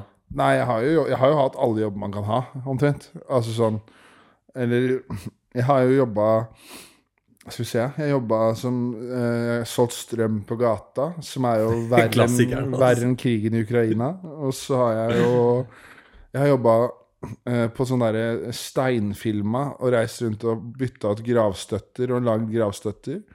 Jeg har jobba som på, på lager eh, på Kjells Markiser. Ja. Det er også helt jævlig. Og så har jeg eh, Jeg har jobba Hva faen mer har jeg jobba som? Jeg har jobba i butikk. Hvilken butikk da? Det var sånn hockeybutikk i Asker. Er det hockeybutikk i Asker? Det var det før. Ah. Så når vi liksom gikk på NTG, så jobba jeg noen Ja, det høres litt kult ut, da. ja, det var ikke så kult. Og jeg hadde jævlig lyst til å jobbe i sånn litt sånn derre Follestad-aktig klesbutikk, sånn Voltfold Jeg hadde lyst til å jobbe i sånn sossete guttebutikk på videregående, men det slapp faen ikke til. Jeg vet ikke om det er så fett, ass. Det, var det drømmen din? Det var ikke drømmen min for livet mitt, oh, ja, men det var drømmen min på videregående. Å, ja, sånn Å jobbe på? Exo Menswear i, på Trekanten, for eksempel. Ok, Nei, det, det var ikke drømmen min, altså. Det syns jeg ikke så Nei, jeg, jeg, det var ikke der jeg begynte. Jeg begynte på Rema, og det var konge, det. Ja, det var enten Rema eller Nei, det var, det, det var, det var Rema jeg fikk. Ja. Og, men der får du jævlig med ansvar, da. Ja, okay, ja. De la jo, slapp jo oss til, meg og en kompis. Vi hadde knapt fått opplæring. Ja. Kjør hele den sjappa her, bare herje løs og gjør det dere vil. Og nå er det en konkurs. Ja, de gutta måtte faktisk selv Du vet, at Rema så er det sånn Jeg vet ikke om du eier liksom Ja, muligheten til å sånn, drive. eh, Hva er det de, kjøpmann? ja, de gutta de solgte seg ut bare få måneder etter jeg slutta. Det gikk ikke så bra, den skuta der. Yes. Og så kom det nye eiere, og de andre som jobbet der, bare sa fy fader, du burde jobbe her nå, for nå Nå funker det endelig. Men eh, har du Altså, jeg vet jo at du har jobba i nyhetene og fjerde etasje og sånn. Ja. Uh, som Er det kam altså på kamera, eller er det produksjon? Alt, alt bak kamera. Ja. Uh, men har du gått noen skole for det? Mm, jeg har studert journalistikk, da. Ja, ikke sant? Ja. Ja. I Men Volda, eller? ja, Mm. jeg lagde jo jeg lagde et sånn lite SoMe-klipp som fikk ganske mye traction, syns jeg. Hvor jeg bare gjenforteller det foreleseren vår sa dag én. Som var at eh, vi satte oss ned. Og jeg hadde ikke tenkt så mye på det å være journalist i det hele tatt, egentlig. Jeg ville ha radioprogram på P3. Det var det min, derfor jeg begynte der. Ja. Så sier han bare at ja, det er en farlig yrke og alt mulig sånn, og Breivik han hadde lyst til å skyte alle som sitter her, sier han. Og han hadde øh, journalistlinja som mål, da, på en eller annen sånn liste. Og så han, hvis han ville ta oss, så hadde han uh, trykka på brannalarmen. Så hadde vi løpt ut brannutgangen, nødutgangen, så hadde han stått klar der og skutt oss alle sammen. Det var han, det, er det første han sier når vi begynner. Så jeg fikk en veldig sånn øh, Tenkte ikke så mye på at det er det Velkommen til studieøyeblikket. Her eh, Ja, fordi de, noen som begynner her, vil jobbe i nyhetene. Ja. Men de fleste vil jo bare tulle. ja, ikke sant. Ja, ja. Og mye sånn Premier League-studio og sånn var jo mye Mange som var gira på å gjøre det òg. Så Men eh, ja, så sånn sett har jeg studert for å jobbe med det jeg gjorde i NRK. Ja. Men det er jævlig mange som ikke har det. Så du trenger ikke det. Folk kommer fra statsvitenskap og alt mulig. Ja, for jeg, har, jeg vet ikke, jeg har jo, aner jo ikke hvordan det er, men jeg har liksom hørt at uh, Er ikke studie, journaliststudiet i Volda er vel ganske Er ikke det ganske sånn intenst, da? Eller er det litt chill? Uh, Det er veldig chill. Og det er det? Okay, Ja, ja, men uh, det kommer helt an på hva du syns er chill, da. Eh, Ja, ikke sant, ikke sant? Fordi du må De der bygda der er jævlig lite glad i å snakke med folk, eh, og journaliststudentene, siden det alltid er så mange som prøver å bare ja. finne et eller annet. Og så driver du en sånn lokal de driver, Du driver lokal-TV, lokalradio og lokalavis ut ifra hvilken sånn fordypning du vil ha det året. Så drifter man det i tre måneder, hvor læreren på en måte er redaktøren, og så får du ulike roller hver uke. Så du kanskje Du er liksom kanskje nyhetssjef en uke, da. Og så er du journalist en uke, så er du produsent for TV-sending. Altså, så du får prøvd alle rollene sånn simulert. Men det er jo litt kult, er Det det er veldig bra. Det Ja. det er jævlig bra. Men i den, da, da sa jeg husker jeg læreren vår sa sånn Hvis dere syns det vi simulerer nå er, ikke er noe gøy, Tenk hva Breivik gjorde. så er det ikke sikkert dere trenger å fortsette til neste år. Fordi det er ganske likt dette her det er. Ok. Det er litt sånn hardt å melde, syns jeg, men han Det er jo ærlig og bra, da. Ja, ja. Altså, det er veldig, jeg tenker det er bra, jeg. Kontra at man uh, syns det var dritt, og så kan man gå et år til, og så finner man Ja, det her var jo ikke for Ja, for meg. og det er det mange som gjør. også. og så, så om folk spør om det er intenst, så er det sånn Hvis du syns det er intenst Jeg syns jo ikke det er noe farlig å ringe til noen. Nei. Nei. Uh, cold caller, liksom. Uh, men de som syns det er irriterende, de som syns det er flaut, de som syns det er vanskelig, da er det til et helvete, tror jeg. Ja, ikke sant. Ja, ja, ja. Fordi hver gang du ikke har en sak og ikke har noen ideer, og alle kommer med fete ideer, og du bare alle du ringer bare sier nei, så blir det sånn Det her suger jo balle. For Man være litt skamløs, må man ikke det? Å, fy faen. Det er helt uh, pyton. Og, og det som man ikke, jeg ikke tenkte på, er jo det at hvis jeg var journalist, tenker jeg sånn Jeg har lyst til å bare lage saker på ja, for eksempel, hvorfor er alle hockeygutter capsen sånn? Sånn rett, da. Og så vil jeg bare skrive det jeg har sett, og det jeg tenker om det. Men så må du egentlig stort sett alltid ha, få tak i en annen ekspert som kan si det for deg. Mm. Det er ikke så ofte journalisten skal, skal egentlig ikke mene noe selv. Nei, ikke sant. Nei, nei. Og så det var så innmari sånn her, kan jeg ikke bare være litt som en sånn beskrivende reporter som bare forklarer ting? Du burde vært spaltist, du da. Ja, ikke sant? For det er, det er det de fleste merker at Eller iallfall jeg merker at det er det jeg har, jeg har lyst til. Jeg har egentlig bare lyst til å si min, Mine meninger. min mening, og så spe på med noe ekspert. eh. Som, undergr- som bare underbygger det du sier. Men da må du drive og ringe til folk. Ja, hvorfor er det sånn at hockeyspillere har sånn? Nei, jeg syns ikke de har det sånn, ja. Og så får du plutselig lagd saken din, da. Ja, ok. Ja. Og så er det ofte at du har en tanke, en teori, Mm. Og så må du bare ringe rundt til noen eksperter eller noen som kan si noe, bare bekrefte det. ja, så det er t- ti er klin uenig med, men så er han ellevte jævelen som bare Ja, der er du inne på noe. Og så Men bare det er, Trykk! men det er veldig, veldig ganske rart i medieverden. Hvis du har en tanke, da, blir du krenka av et eller annet, så ringer vi jo bare rundt. Ja. Uh, og hvis uh, Du må jo prøve å gi, rep, altså, vise begge sidene. Men tre kan si nei på rappen. Hvis fjerde sier ja, så blir det sak. Ja, ikke sant. Ja, ja. Og så blir det liksom lagt Men da må du jo som- nevne at Og de mener ikke at det er noe. Ja, okay, Men innimellom sånn eh, Hvis du er flink, da kommer jeg til på hvor flink du er. Men det er jævlig mye Vi lagde så mye sånn kansellerings... Eller ikke kansellering, men sånn Er dette greit? Er dette ikke greit? Saker i NRK, og da måtte jeg ringe til liksom, folk jeg så litt opp til, for jeg har egentlig mer lyst til å jobbe underholdning, som jeg ringer til de som er sånn kule, morsomme komikere. Sånn, ja, Syns du det er dumt at han her har sånn invitasjon av Kim Jong-un, eller? Og så er det sånn, faen, det her er jo ikke det. Hør på meg, liksom. Jeg, ja, ja, ja. og noen var bare sånn Vil du at jeg skal drive og bitche om det her nå? Hater deg selv før du tar telefonen. Det er tungt. Ja, Man sier jo det til sjefen sånn Ah, må vi det her? ja, ok. Men hva er det sånn som nå, da? Har du liksom noe sånn herre ønske om hva du har lyst til å drive med nå? Eller? Eh, ja, jeg har lyst til å lage podkast, da. Så det er derfor jeg begynte med det. Mm. Og prøver jo å pitche alle mulige TV-konsepter og miniserieideer og sånn til alle mulige kanaler, men det er ikke Du er ferdig som journalist, liksom? Nei, det går an på om det er noe gøy eller ikke, da. Ja. Det er jo, Hvis man kan kalle det å lage det som sånn artig dokumentarseriejournalist, så er jeg ikke ferdig som journalist. Nei, ikke sant? Og det virker gøy å gjøre sportsting. Ja. Men nyheter er ganske sånn Det kan være moro, men det kan også være veldig I dagslivet og sånt, så er det jo ofte så lager du ting samme dag. Ja, ikke sant? Ja. Du kommer jo på jobb vet- 30 daua i jordskjelv i India. Ble lei av det kanskje. Ja, det er jo Ja, det, det er mye sånn byråbilder, så sånt tar ikke så lang tid å lage. Men, eh, men hvis du må få tak i to kilder på en kveldsvakt Ja. Du kommer klokka fire, ting skal være klart og gå på luften klokka elleve, da. Så må vi prøve å finne en sak, og så er folk på hytta, og der, der så må du liksom det er, det er jævlig intenst. Ja. Og så går du ut på Kveldsnytt, og så ser noen dem, så er det bare på'n den i morgen. Like hardt å trykke til, så Nei, jeg vet da faen, jeg. Men får man liksom ikke, kanskje ikke den derre eh, Er det vanskelig å få bekreftelsen på noe du har gjort er bra og dårlig, eller dårlig? At man får kanskje ikke den Sånn som hvis man driver med standup. Ja. Så har man en, en idé, så drar man ned på en eller annen eh, mørk pub på Grünerløkka, så tester man den ideen. Mm. Så finner man med en gang ut ok, her er det noe, eller her er det ikke noe. Mm. Hvis du lager en nyhetssak, da, så går, så går det liksom, er den blanda blant ti andre nyhetssaker, og så er det liksom Hver dag er det noe nytt, så man får kanskje ikke den bekreftelsen på at det man gjør, er bra, eller jeg vet da faen, jeg. Nei, ikke på TV, så får du Men de var jævlig flinke i NRK til å gi mye ros. Ikke på TV, riktignok, men på radiogreiene så er det veldig sånn Generelt, radiofolka er litt hyggeligere. Ok. Um, på nett så får du mye hate. Ja. Siden du har jo navnet ditt der, så kan du trykke på det, og så kommer du jo direkte til mailen din. Så blir det sånn Hva er det? Har du fått mye hatmail? Veldig lite, men hver gang du skriver om Når vi skriver disse sakene, da, om sånn Er det innafor denne Hvis ting er litt sånn borderline kanselleringsaktig, det fyrer folk veldig på. Det slår faen meg aldri feil. Altså, de kommentarfeltene som må bli stengt, Mm. det er sånn kanselleringsgreier.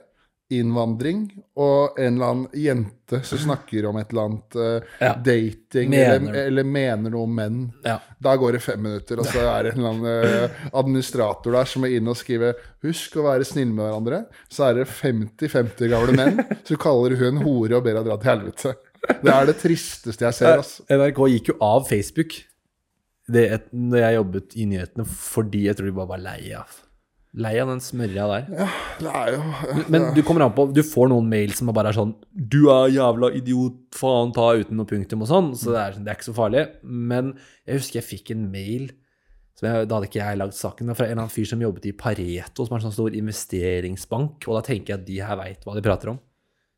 Og så tar han oss på et eller annet som er litt sånn Han har litt rett der, da. Så det var litt sånn, husker jeg, jeg var sånn åh. Men eh, du må bare, må bare komme deg videre. Det er noen som virkelig Det var en som vi hadde en sommervikar. Så klarer hun å Jeg tror hun skrev et eller annet, en prosentfeil eller et eller annet som de rettet opp i. Men det er jo overraskende mye inn, ut, vikarer, korte kontrakter. altså så De rekker ikke alltid å bli trent opp. Så det er en sånn, sånn halvkjent mediekritiker som jeg har glemt hva heter nå, som er ganske sånn ivrig på å melde, da. Uh, og han bare skal, 'Nå har du faen meg driti ut, nå skal jeg ta deg', liksom. Han sa sånne ting, og hun ble jo så lei seg. ja, Det er litt trist da å sitte og være mediekritiker og skal ta en sommervikar. Ja, men han vet jo ikke det heller, så han vet jo ikke hvor mye erfaring hun er, og hvor mye kompetanse hun har. Men det er helt sjukt mye inn og ut, så alle som leser nyheter, det er lurt å ha litt sunn skepsis, ass, fordi de som skriver denne saken, skal hente i barnehagen, og de skal spise lunsj, og mikroen tar lang tid, så plutselig så trykker hun noe feil. Ja. Men det, det, det du sa der, kjenner jeg, meg, kjenner meg litt igjen i at uh, Som for eksempel hvis, man hvis jeg har lagt ut noe på sosiale medier, da, sånn standup-klipp eller noe sånt, nå, så klar, sånn, hvis det er en sånn helt nerd-kommentar da, sånn, så, Altså, du kan kalle meg en feit uh, Skriver du det? i- i- nei, altså Men et eksempel, da. Du kan kalle meg en feit idiot uten humor. Ja. Så sånn, det, det, det bryr meg null prosent om. Ja. Altså, det treffer meg ikke. Men hvis det hadde vært noe sånn som faktisk var noe reelt, da eh, At f.eks. den og den vitsen eh, var dårlig oppbygd pga. bla, bla, bla, bla, bla, og jeg var enig i det, så tror jeg det hadde truffet meg mye mer enn at jeg er Ja. stygg i trynet, liksom. Ja. For det klarer jeg ikke å bry meg om. Hvis eh, Killerboy-9 da, på TikTok skriver at du er en idiot, så er det sånn Ja, det kost, Det orker jeg ikke å bry meg om. Jeg fikk, hva var det jeg fikk sånn, Jeg fikk jo um, Hvorfor da? Wish. Wish Sergio Ramos fra Wish, eller hva faen? Ja, den er fin. Det var litt morsomt. Den er gøy, da. Ja. Men jeg har lært bare Du må bare Jeg bare ler med hvis det er moro. Bare jatte med. Ja, Skrive burn. Det snakket jeg også om i en episode her, at jeg hadde lagd en sånn video i fjerde etasje som jeg hadde pusha gjennom. Et gameshow hvor en skulle gå på do og drite, og så skulle du ut og gjemme deg. Høykultur. Ja. Og så var det bilde av fire på veggen, og så skulle to deltakere inn, og basert på lukten skulle de gjette hvem som hadde vært på do. Eh, og hele kons... Fy faen. og den fikk ikke sånn kjempegod Noen syntes jo det var gøy, men noen det mange kommentarfelt som ikke syntes det var noe gøy. Og det er litt sånn, uff, det er litt sårt. Ja. Men uh, der var jo litt ideen også er det, Tanken var jo om å komme på noe som er litt dårlig idé. Ja. Det var litt av Det vil jeg si du klarte. Ja, jeg syns det var veldig gøy. Og så det på julebord på NRK så jeg fortalte det til alle mulige der eldre damene som jobber i administrasjonen, og de var bare sånn Det var ikke noe gode de, de likte ikke den. Nei. Familien min likte den heller ikke, men eh, nei. Alle hata den. Broren min sa det sånn seriøst. Det var ikke noe bra. Det var ikke noe Nei. Det var litt vondt. Men, Men uh, du er fornøyd, da. Ja, jeg syns det var gøy. Og så er litt sånn eh, Innimellom syns jeg det er gøy å lage ting som på en måte er eh, dårlig eller rart, uten å si Altså det er litt sånn flere lag med Litt meta. Hvis man er helt Ja, så hele greia der er fra Alt i den filmen er jo Altså, jeg spiller jo en rolle. Selv om jeg oppfører meg relativt normalt og snakker om ting. Ja, ja. Så det er ikke så farlig med, med det greiene der. Men uh, jeg har skrevet en liten liste her, skjønner du ja, kjør. med ting vi, jeg må jeg vil eh, innom med, deg med. Og det ene greia var jo jussgreiene. da. Ja. Du begynte på jussen. Er du i mål, eller? Nei, jeg- nei, nei, nei, jeg er ikke mål, nei. Uh, nå har jeg på en måte tatt pause, pause fra det, på grunn av det ble så mye standup.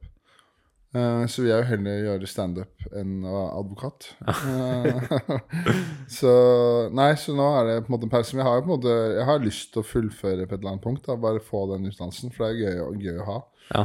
Uh, men det må liksom passe litt inn. da Jeg har jo barn nå, ikke sant. Um, så det, det ble liksom til et punkt Det var liksom et punkt der hvor eh, Siste halvåret hvor jeg eh, gjorde alt sammen, da. ja. Og hadde akkurat blitt tobarnsfar.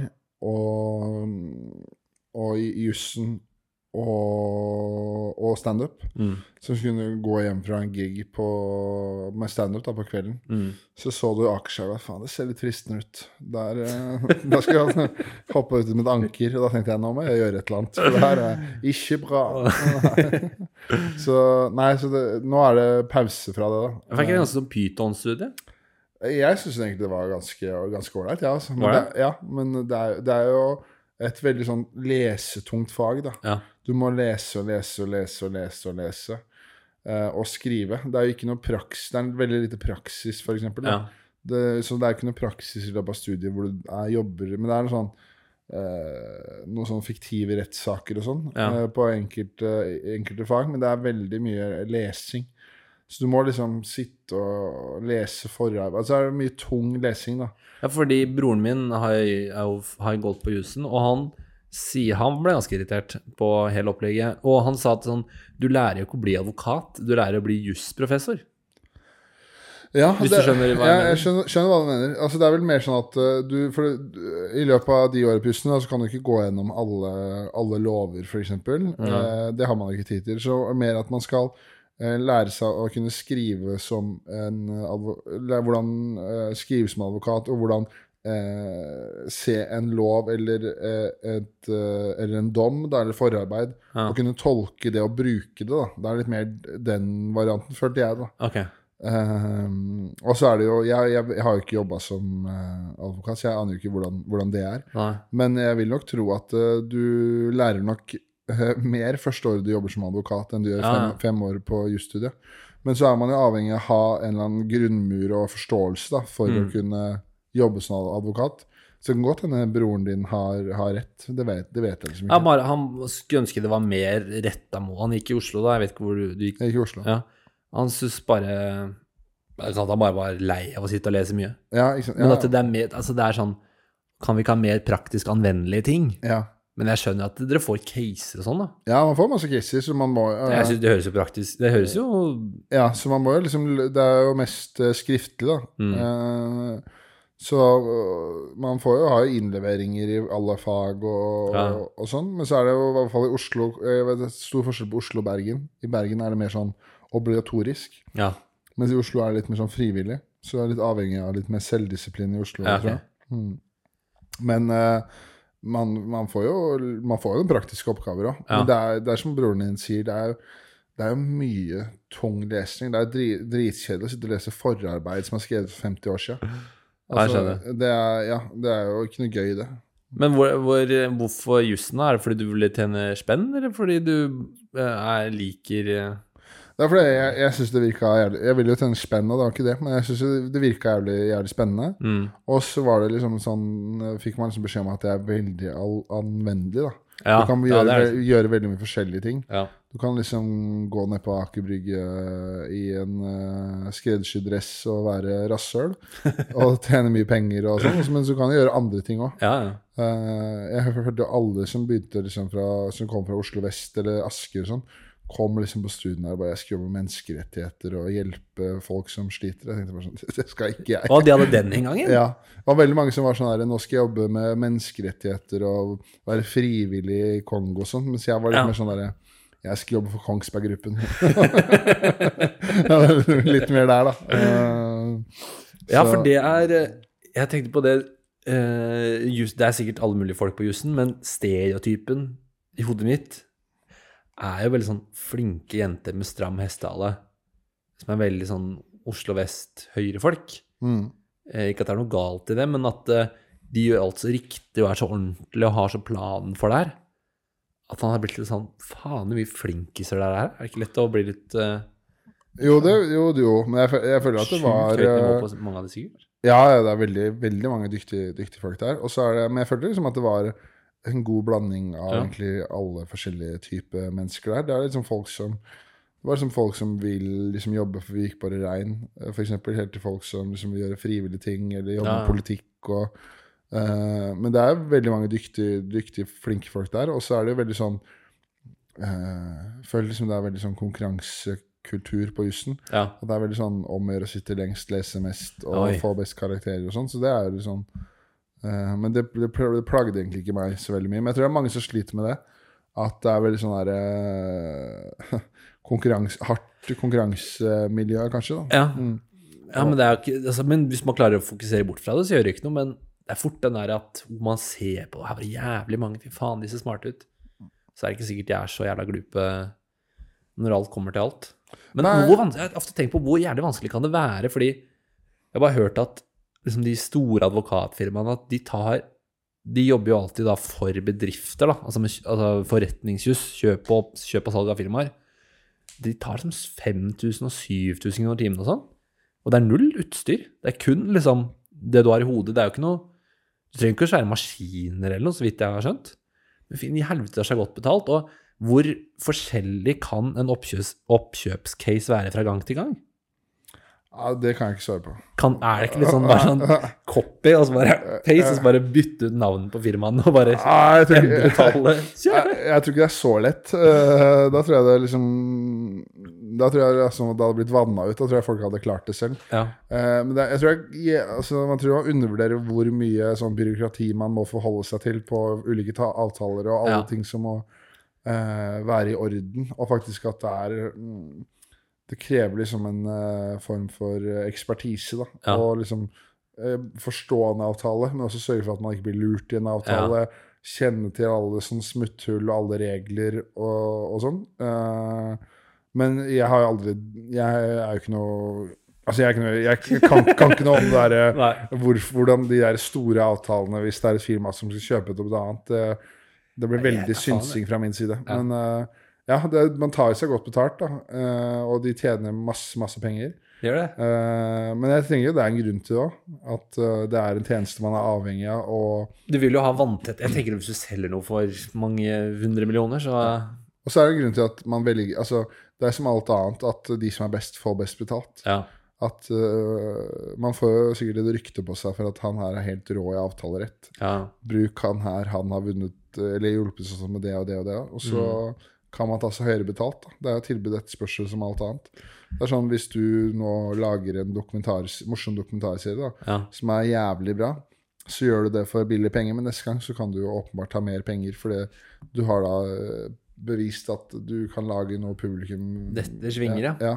Det er sant, det. Så Nei, jeg tipper det er eh, Men det, det jeg, jeg kan ikke noe om det. nei, men jeg, jeg kan ikke Men ble du kompis med mange på jussen, eller er det sånn alle klarer seg sjæl? Hvordan er det? Er det sånn, sånn gjeng, liksom? Fordi, Nei, jeg, jeg fikk, jo, fikk jo venner på jussen, men det er veldig sånn øh, følte det var Det er veldig sånn eh, Hva heter det sånn ulike foreninger. ja, Eh, foreningslivet. Foreningslivet, ja.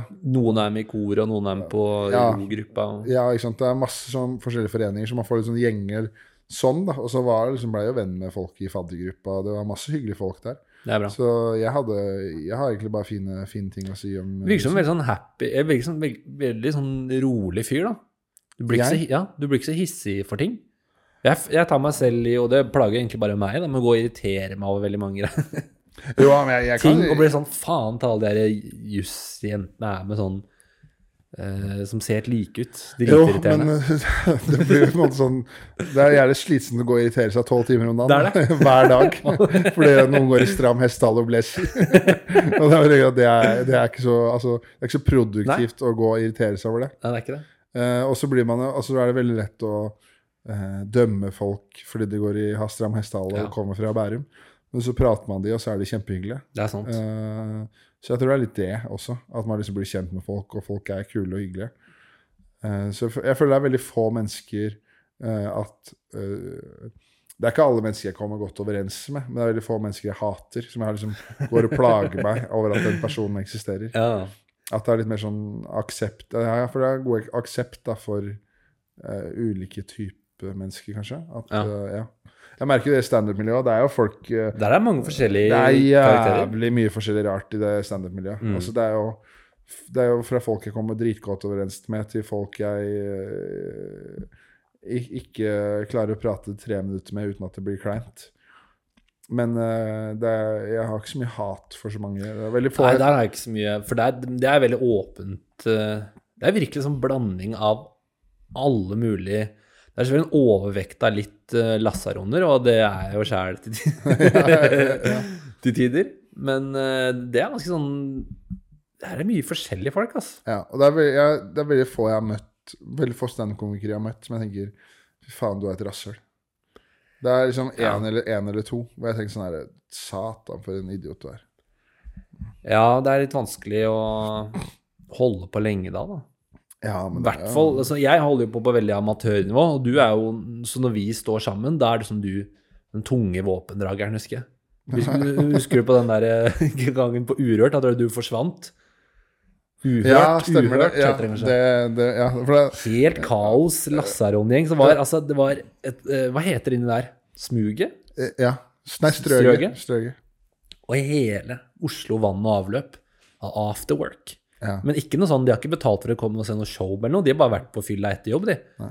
Og de begynte klokka fire, og nå er klokka åtte. Mm. Og så skal vi holde show, og den baren har jo ikke sagt ifra her, blir det show. Og konferansieren, han bare begynte å melde og, og disse de, og det ble så jævlig dårlig. For jeg måtte dra, for jeg hadde en annen, annen jobb, så jeg slapp jo heldigvis de greiene der. Vi satt backstage, og så sa vi sånn Husker jeg sa sånn Da jeg sett deg stå en to ganger før, så sa jeg sånn Espen får til det her, liksom. Han pleier liksom å Han har koll på hva han driver med. Og så viste det at nei, han hadde dratt, da. Han hadde dratt. Så det var det en helt fyr som begynte for to måneder siden, som bare går på først. Og ingen hører på, og vi faen, det gikk så dårlig. Så da ble jo showet avlyst. Ja, men det, det folk Man blir sånn her eh, Kanskje folk som ikke vet noe om standup. Som tenker at å, det er så glamorøst liksom å stå på latter og liksom der. Ja, Der har jeg ikke stått, så det vet jeg ikke. Nei, men det er det jeg skulle si, da. At uh, det er ganske mye dritt man skal gjennom før man kommer dit. Da. Ja. Og man må, jeg, tenker, jeg, jeg mener oppriktig at man må nesten Altså, dum i huet er kanskje litt feil, da, men man må i hvert fall uh, ha en høy toleranse for dritt. da Mm. for å klare å bli standup-komiker. For du må gjøre så mye dritt og ynkelige greier. Så nedrig opplegg. Ja, men man må jo det. Det er Må runke noen for å få en plass. Ah, Ja, det er så men nedrig. Nei, men det er jævlig nedrig å stå foran 40 stykker som ikke følger med, og så står du bare og prater ut i lufta. Ja. Og ingen kunne Folk gir så totalt faen i det du sier. Kunne ikke brydd seg mindre. Og så gjør du det for, så gjør, står du der uten å få noe betalt. Og du, du har jo stått på mye drittshow, du også, sikkert. Ja, jeg har, jeg, har, jeg har sluppet ganske billig unna, men det jeg har gjort Jeg har jo begynt jo når jeg studerte i Volda, så der var det jo ikke noe annet å gjøre for de som bodde der. Så første gang vi satte opp show, så kom det 350 stykker. Og alle jubla, det var, gikk så jævlig bra, og vi fikk penger til å fly inn eh, Henrik eh, eh, Hva faen het han? Han står ikke lenger, men vi hadde også Henrik Farley gangen etterpå. Så det var egentlig veldig vellykka. Så jeg fikk veldig sånn Så holdt vi det på noen sånne festivaler, så jeg fikk ganske sånn Syns det gikk ganske bra, egentlig helt fra starten. Så det jeg syns var vanskelig Jeg har gjort mye fucka ganger som ikke det blir noe gøy, og ikke det funker.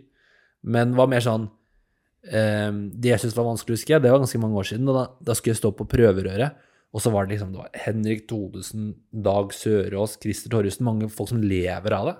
Og så hadde jeg liksom nykommerspotten, da. Men at jeg ikke Igjen det med hockeygarderoben. Jeg syns ikke jeg passa inn i backstage-kulturen der.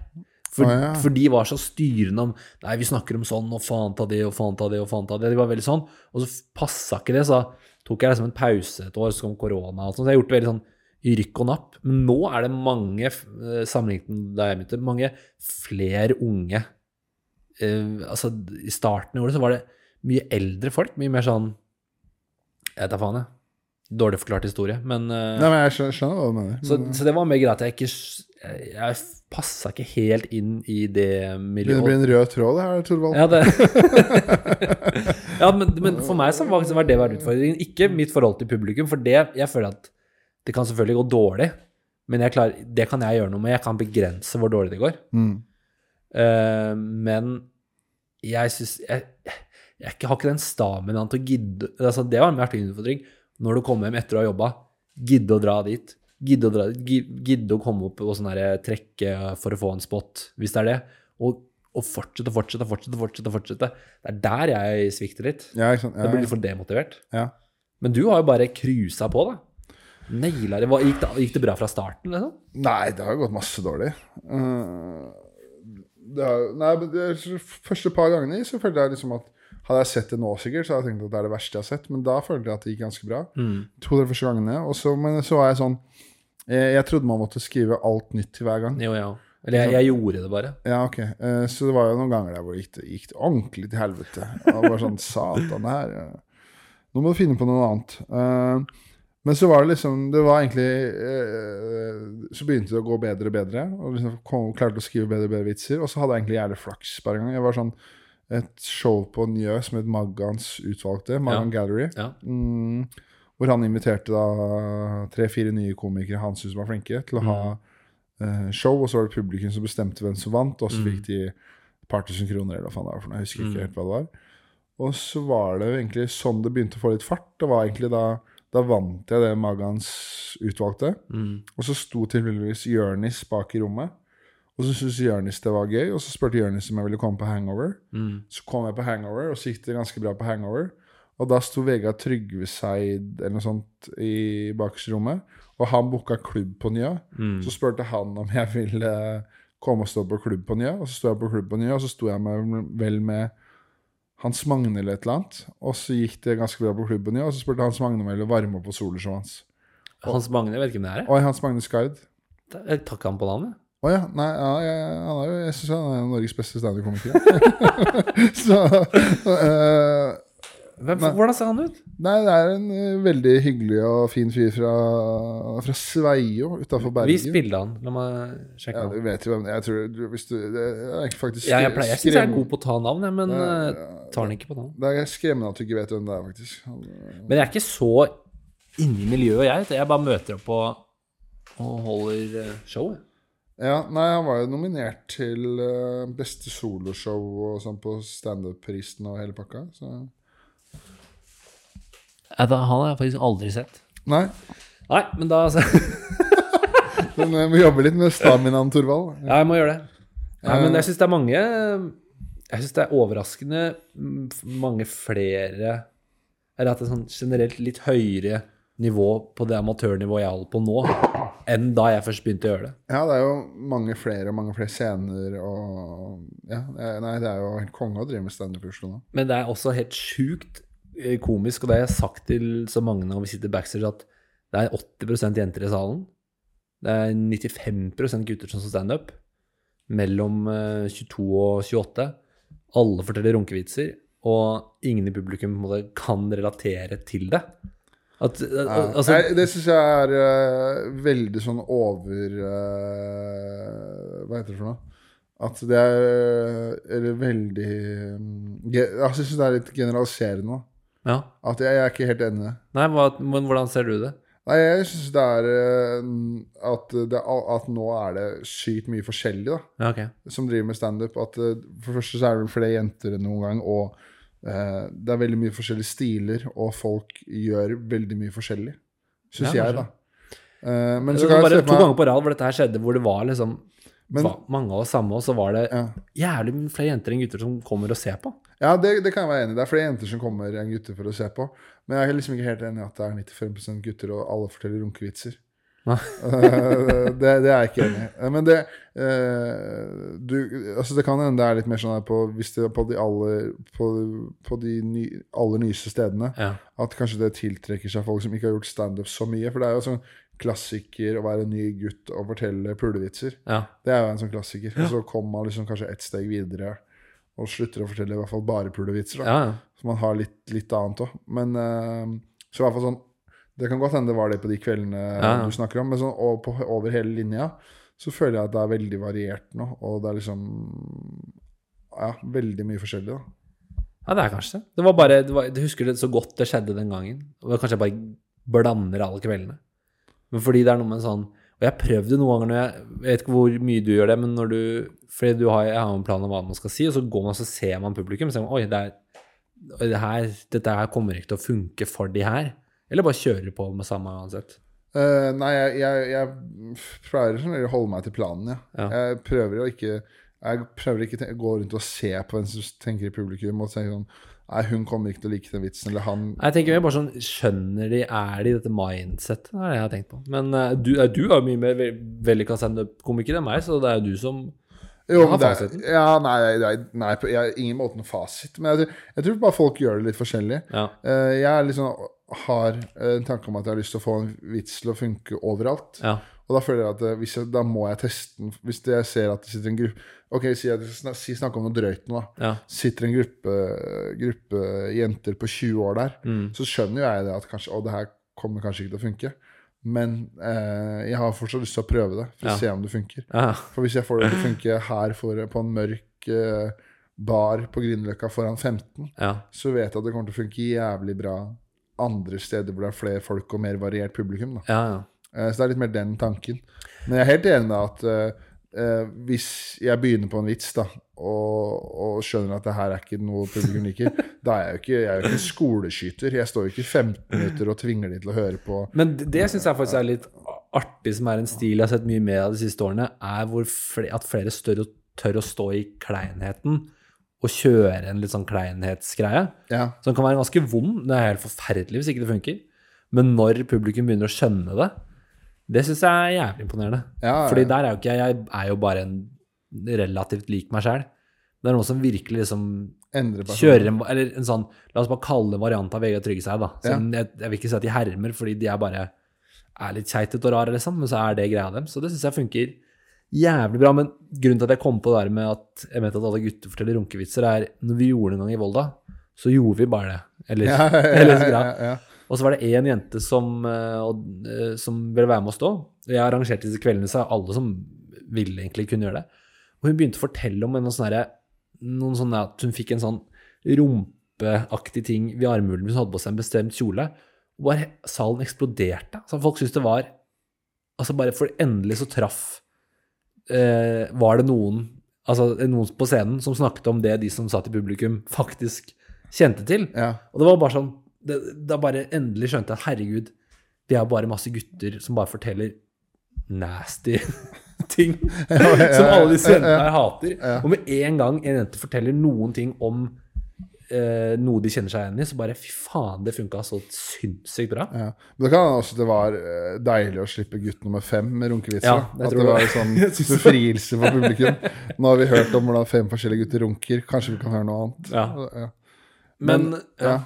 Ja. Men, eh, men her, jo, det er jo det er sikkert mye Det er jo det er, klart det er mye runkevitser, det er ikke det jeg sier. Men jeg føler også det er mye forskjellig. da Ja. At eh, hvis du tar, uh, ta, Hvis du tar tre komikere som er blant de beste nå, da Hvis du tar Lars Berrum, Jonis Josef og Dag Sørås, Ja. eksempel de tre, så er jo alle de tre opererer jo på et ekstremt høyt nivå Mm. på veldig forskjellige Ja, måter. da At ja. det er tre helt ulike stiler å gjøre standup på, men begge får, eller alle tre får det til på hver sin måte og har sitt publikum og selger masse billetter. da Ja.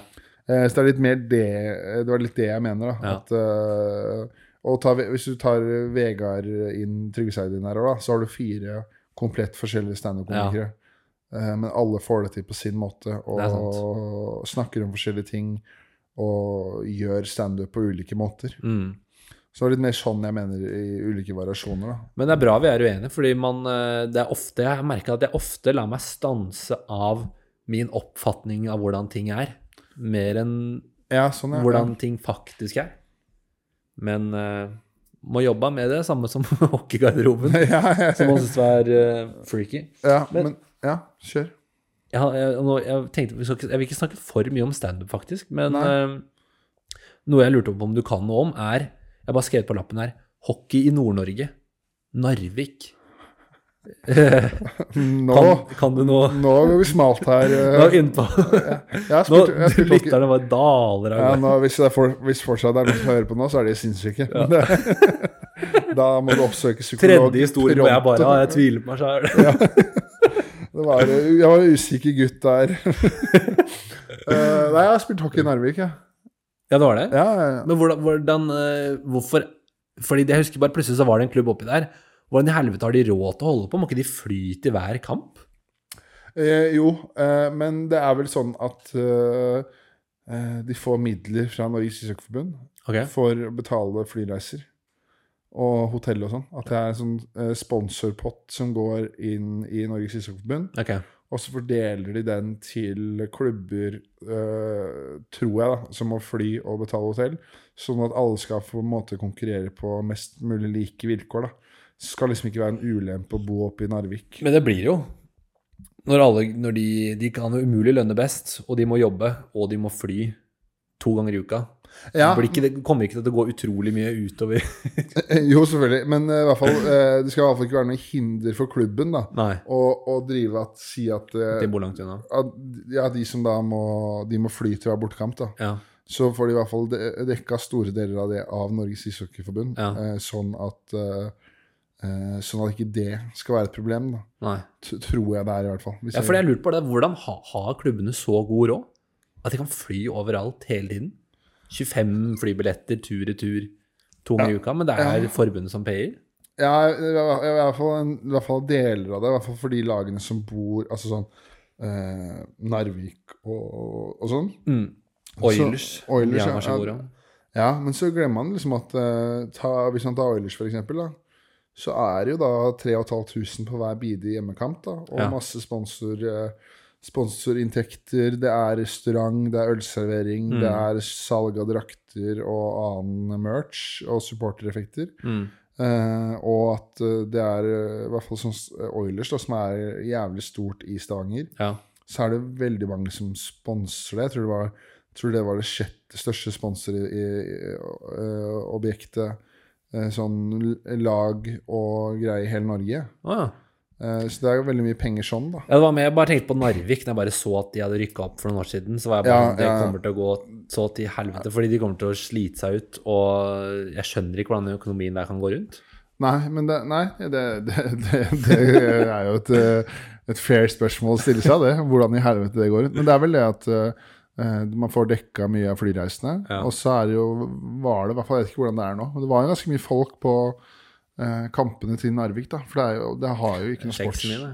Nei, det skjer ikke så mye der. Det er, det er ikke noe fotballag eller noe basketballag. Det var liksom det hockeylaget da, som folk liksom kom for å, å, å se. Hvordan var det oppi der? da? Var det, lo var det lokale folk, eller var det Nei, det var veldig mye Det var folk fra overalt som spilte på Narvik. Og så var det veldig mye sånn eh, svensker og finner og sånn. Som, som kom opp der. Og eh, hvis du kommer fra Sverige, da, så får du litt inntekt for å spille hockey, og du er veldig god, og så får du en eller annen jobb ved siden av som en Mm. sponsor har skaffa. Så blir det jo ganske ålreit. eh, Ja, ja. Sånn totalpakke, da. Ja. Når du dekker leilighet sikkert, og en jobb og litt hockeypenger, så blir det jo ganske pent regnestykke kontra hvis du skulle bare vært i Sverige og jobba, da. ja. Eh, regner jeg med det er litt sånn, da.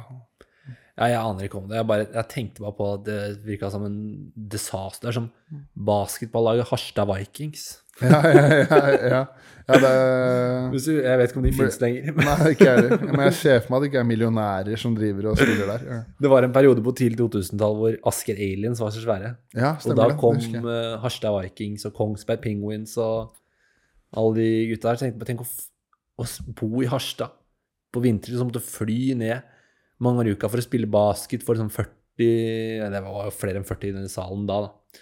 Men det må være Jeg skjønner ikke hvordan de greiene går rundt. Det er virkelig Men det er litt det samme som at uh, Selvfølgelig det er litt verre da med, at- med fly og sånn. mm. Men du drar jo rundt eh, i forskjellige steder i landet og står foran tolv stykker på en mørk bar, du òg, da. Ja, jeg har Så- ikke, jeg har sånn ikke gjort så mye sånn der Ja, men det går, ikke, det går ikke rundt de gangene. Nei, nei, ikke sant? Jeg husker Den gangen jeg følte meg absolutt mest idiot var jeg var sånn her, nå burde jeg, jeg burde slutte å finne på noe med livet mitt. Var det, jeg ble spurt om å gjøre en jobb i Gjøvik. En sånn klubbjobb, liksom. Ja. Og så var det bare sånn Ja, man skulle dele inngangspengene, da. Så det her ble gull, det. Så tok man toget opp til Gjøvik, og det koster jo faen meg 350 kroner Ja. sånt, for toget opp til Gjøvik. Det er jævlig dyrt. Ja. Eh, så tur-retur var 700-800 kroner. Ikke sant? Kommer du opp til Gjøvik der, skal være konferansier, så har du solgt fire billetter. Så står du da inne på en bar i i Gjøvik der og underholder eh, Kommer vel seks stykker, da, kanskje. Står du der i to timer og underholder seks stykker. Og så når du er ferdig, da, så sitter du igjen med 30 kroner, og du har brukt 800 kroner reise. Og du har brukt faen meg åtte timer tur i tur med giggen. Når du sitter på toget hjem da, så tenker du sånn Faen, du er jo helt idiot, du. Ja, men det er, jo, det er også et jævlig bra tegn på hvor stammen han var, da. Jo, jo, sånn. at hva du er villig til å øh, gjøre. Jeg, det eneste gangen jeg har stått for sånn jævlig få folk, er på Linken Ja, ikke sant. Uh, på Torshov. Der er, da er det som du må dra de som sitter i den andre delen av baren, bare fysisk løfte dem og sette Det er en moderne publikum. gisselsituasjon. Og så få bare alle komikerne til å sette seg i publikum, så det, det ser ut som Ja. det er de. Ja, ja, det har jeg vært masse på. Det er klart det er Men det funka, det. Ja ja da. Ja, da. Det, ja, har, det har vært noen gøye show på linken òg, men det er mest ræva, da. Jeg syns egentlig det var bedre når det var litt sånn få, for da må du bare sprekke hjulet på ballongen med en gang. Ja. Og, eller da var jeg konferansier og måtte bare si det er jo Vi er jo fire her. ja. Og resten ja. Og er vi fire skal det jævlig og, og resten er komikere. Og Ja. prøver å crowdworke, men de var helt stumme, de jentene. De vil jo ikke snakke. Nei. Men da ble det bare sånn Det kan ikke gå dårligere. Så det bare Men tenk for det det ble en enorm frihet. da Kunne bare gjøre alt. Jeg gikk ut og kom inn og men tenk hvor jævlig situasjonen det er for de jentene. Sånn, sånn, nå, vi skal møtes og ta noen øl og bare prate. Så blir vi dratt med inn for å sitte i publikum med standup. Og så er det bare oss fire, og vi er omringa av komikere som kan stå en kødd på scenen og bare 'Hva jobber du med? Hva driver du med?' og gjøre narr av de. Da var det 18, da var det 20-åringer som skulle runkevitser. Da var vi bare ja, ikke sant? Skal du sitte og høre på hvordan eh, en eller annen 21-åring med lese- og skrivevansker kommer hver dag? Det er helt jævlig. Men det går folk eh, Ja, det er mer kanskje sånn Det er mer moro for de som spiller, holdt jeg på å si. Ja. Det, Eh, akkurat linken. ja. Da spiller vi litt for hverandre. Ja. Ja. Men eh, så, altså, altså, på det nivået jeg holdt på med, så er det mye sånn. Og det, det funker, det. Men eh, noe jeg også spurte deg om når, når jeg, for, forrige gang vi sto sammen, var jo en av de viktige spørsmålene jeg ville ta opp i podkasten, som ikke er noe viktig spørsmål.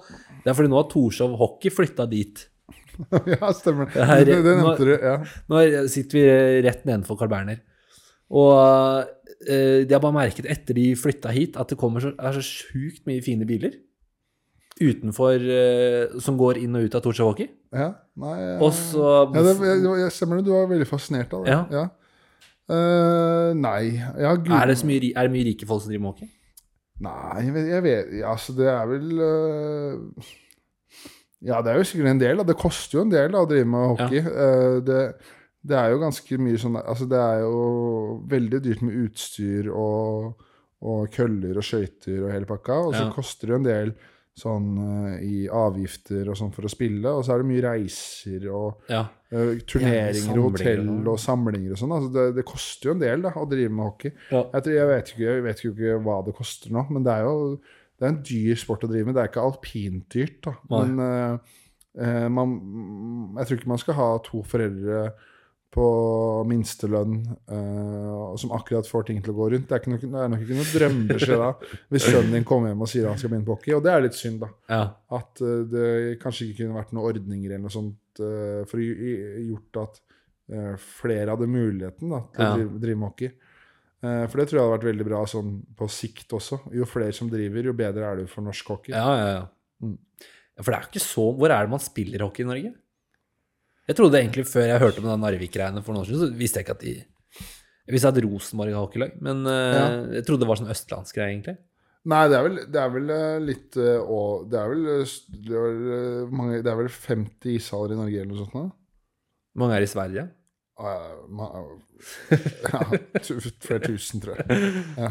Uh, jeg tror når jeg spilte, så var det flere ishaller i Stockholm Mange flere ishaller i Stockholm enn det var i hele Norge. Ja. Bare for å sette sånne ting i perspektiv. Da. Og Askerhallen, der hvor du har spilt, da. uh, den er jo hyggelig, på en måte, den gamle. Sliten. det var en ganske rått, Nei, råtne. gammel greie. Er sliten og stygg, ja. Men nå er det jo helt rått der borte, da. Ja. Mm. Jeg har bare vært der på sånn basketlandskamp, jeg. Men uh, det er blitt ordentlig ordna forhold der. Ja. Det Fint, tror jeg man er litt avhengig av, fordi folk eh, det koster jo litt Det koster jo en del da, å skulle dra ut på et sånt idrettsarrangement, om det er fotball eller hockey eller hva det er. Forrige gang på Friskamp tror jeg det kosta 300 spenn. jeg. Ja, ikke sant? Så si at dere er eh, At du, du og samboeren din skal på Friskamp, da. Mm. Så er det liksom 600 kroner billetter, så kanskje noen skal ha et eller annet i der. Eller i, i kiosken eller baren eller hva faen det er for noe. Så ender man jo opp på over tusenlappen, da. Og da vil man gjerne at det skal være litt hyggelig opplevelse og litt ålreit, kontra Ja. at det er en sliten hall med et sete man eh, Altså man får fantomsmerter eh, når man er ferdig der i tre uker etterpå fordi man sitter på et sånt sete. Eh, så jeg tror liksom man er avhengig av at man moderniserer og får nye ishaller for eh, rekruttering og for folk som Ja, gidder ja. å komme. da. For hvis man liksom har valget mellom å, å dra på Nå vet jeg et annet eksempel. Skal en, kanskje det er eh, en kino eller hva, hva som helst. da Ja. Så hvor det liksom er ting er behagelige og sånn, så tror jeg kanskje man velger litt fort det, da. ja. Så er det, det er det ulempen med hockey er at det er jo, i min verden så er det morsommere å spille enn å se på. Det er litt okay, ja. vanskelig å Jeg syns det er fett å se på NHL-kamper på TV bare fordi lyden og hele liksom pakka rundt. Men det er jo Det høres jo sikkert helt dust ut å si, men det er jo litt vanskelig å følge spillet. Jo, ja, men det er, mange, det, du det er mange som sier det. Ja. For Så- du ser jo sikkert Du skjønner jo sikkert litt før det skjer. Å, her kommer det. Her, nå blir det sånn, nå blir det sånn. Mm. Men det er noe inni helvete vanskelig, syns jeg. Jeg tror det er veldig mange som syns det er uh, jævlig mye kulere å se det live enn på TV. Ja. For det live er det jo ganske mye lettere å følge med. Eh, ja, og så smeller det litt i vantet, og det er litt sånn der oh, Du kommer litt tett på. Ja. Men jeg syns sånn TV2 og sånn, da, som har produksjon for norsk hockey, er, er ganske flinke da, til å gjøre det Har gjort det mer og mer seervennlig på TV. Ja. Ja, Og tilgjengelig. ikke De får jo høyt opp i den eh, men, men hvor spilte du? På banen? Jeg var keeper, ja. Du var keeper? Ja, Å ja, det kommer ja. kom frem først nå. ja, ja, ja. Det er jo helt sjukt, ja. da. Så ja. Men ser du noe i det hele tatt? Eller må du forutse på skuddet? Nei, man ser alt, ja. Eller ja, man ser, ja. Så når du ser noen er i ferd med å skyte, eh, du venter til du får øye på pucken, ja. eller forutser du? Nei, man venter jo. Man får øye på pucken, ja. Men det må da gå noe så sinnssykt fort, da. Ja, det går fort, ja. Men eh, nei, det, man må, det, det er ikke noe sånn gjetting, nei. Det er veldig lite av det. Okay. Uh, man, man, ser, man ser Man klarer å se hvor pucken går og sånn. Fy faen. Ja. Så, er, men er, i hockey så er det mye sånn deflection. ja. At det er ikke så mye ganger puck- pucken går liksom Den går jo også rett i mål, men det er veldig mye sånn Erna er deg, spretter ut, og så kommer den. ja. Så da er Hvis det er mye, for, for eksempel mye trafikk foran mål og sånn, Ja. så må man på en måte prøve å se utgangen på skuddet, og så liksom gjøre seg så stor som mulig og bevege seg dit man tror pucken går, da. Mm. Men sånn, de fleste skudda ser man jo utgangen på, og ser hvor pucken er på vei. Mm. Og da er det ikke noe sånn gjetting eller noe sånt Nå. Hvor fort går pucken da, om noen virkelig kliner til? Vet du det? Hva kan det være? Det er jo øh, litt usikker på, men det er jo noe. Det er jo opp mot øh, Det er vel opp mot 150, tror jeg. Ja. Kilometer i timen. Har du fått en vondt sted noen gang? Ja, ja, ja, mange ganger. Hvor er det verste? da? Fordi dere har jo sinnssykt svære leggskinner Ja. og hansker og sånn halsbeskytter og alt. Hvor det er er det? om, område Du har sånn halsbeskytter, men det er sånn område her oppe ved kragebeinet Ja. hvor det kan være jævlig vondt hvis man treffer litt feil der. Mm. Eller så kan det være et sånt område i, i lysken. Ok. Som var sånn Nå prøver jeg å tenke. Jeg tror liksom det var det verste. Ja, ja. Eh, men uh, det, er, det var veldig sjelden at man er jævlig godt utrusta. ja.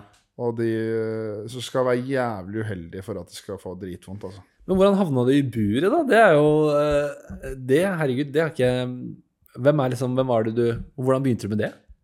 Det var vel egentlig bare at jeg man, Når man var ung, så rullerte man på. Man bytta på å være keeper og utspiller. Ja. Og så syns jeg bare det var mer gøy å være keeper. Ja. Og så bare blei det en greie. Sikkert fordi jeg er idiot, da. Så, jeg, så bare blei det en, greie. Og så bare øh, Ja, så var det liksom Det var dritkult, da. Men er keeperne har dere litt sånn, Er dere en annen type folk, sånn som i fotball? At keepere er litt annerledes? Ja, men det er vel, Man sier vel det også i hockey, at uh, keeperen liksom er gæren i huet. Men uh, jeg har egentlig aldri følt Jeg har aldri liksom følt på det selv, at jeg har vært så annerledes. Nei. Uh, men uh, jo, det er jo det, men det er kanskje et faretegn, det også. Jeg følte meg helt normal. Ja. Jeg, hodet Det jeg har hørt om fotballkeepere, er at de er sånn eh, At de ofte er jævla smarte og litt sånn inneslutta.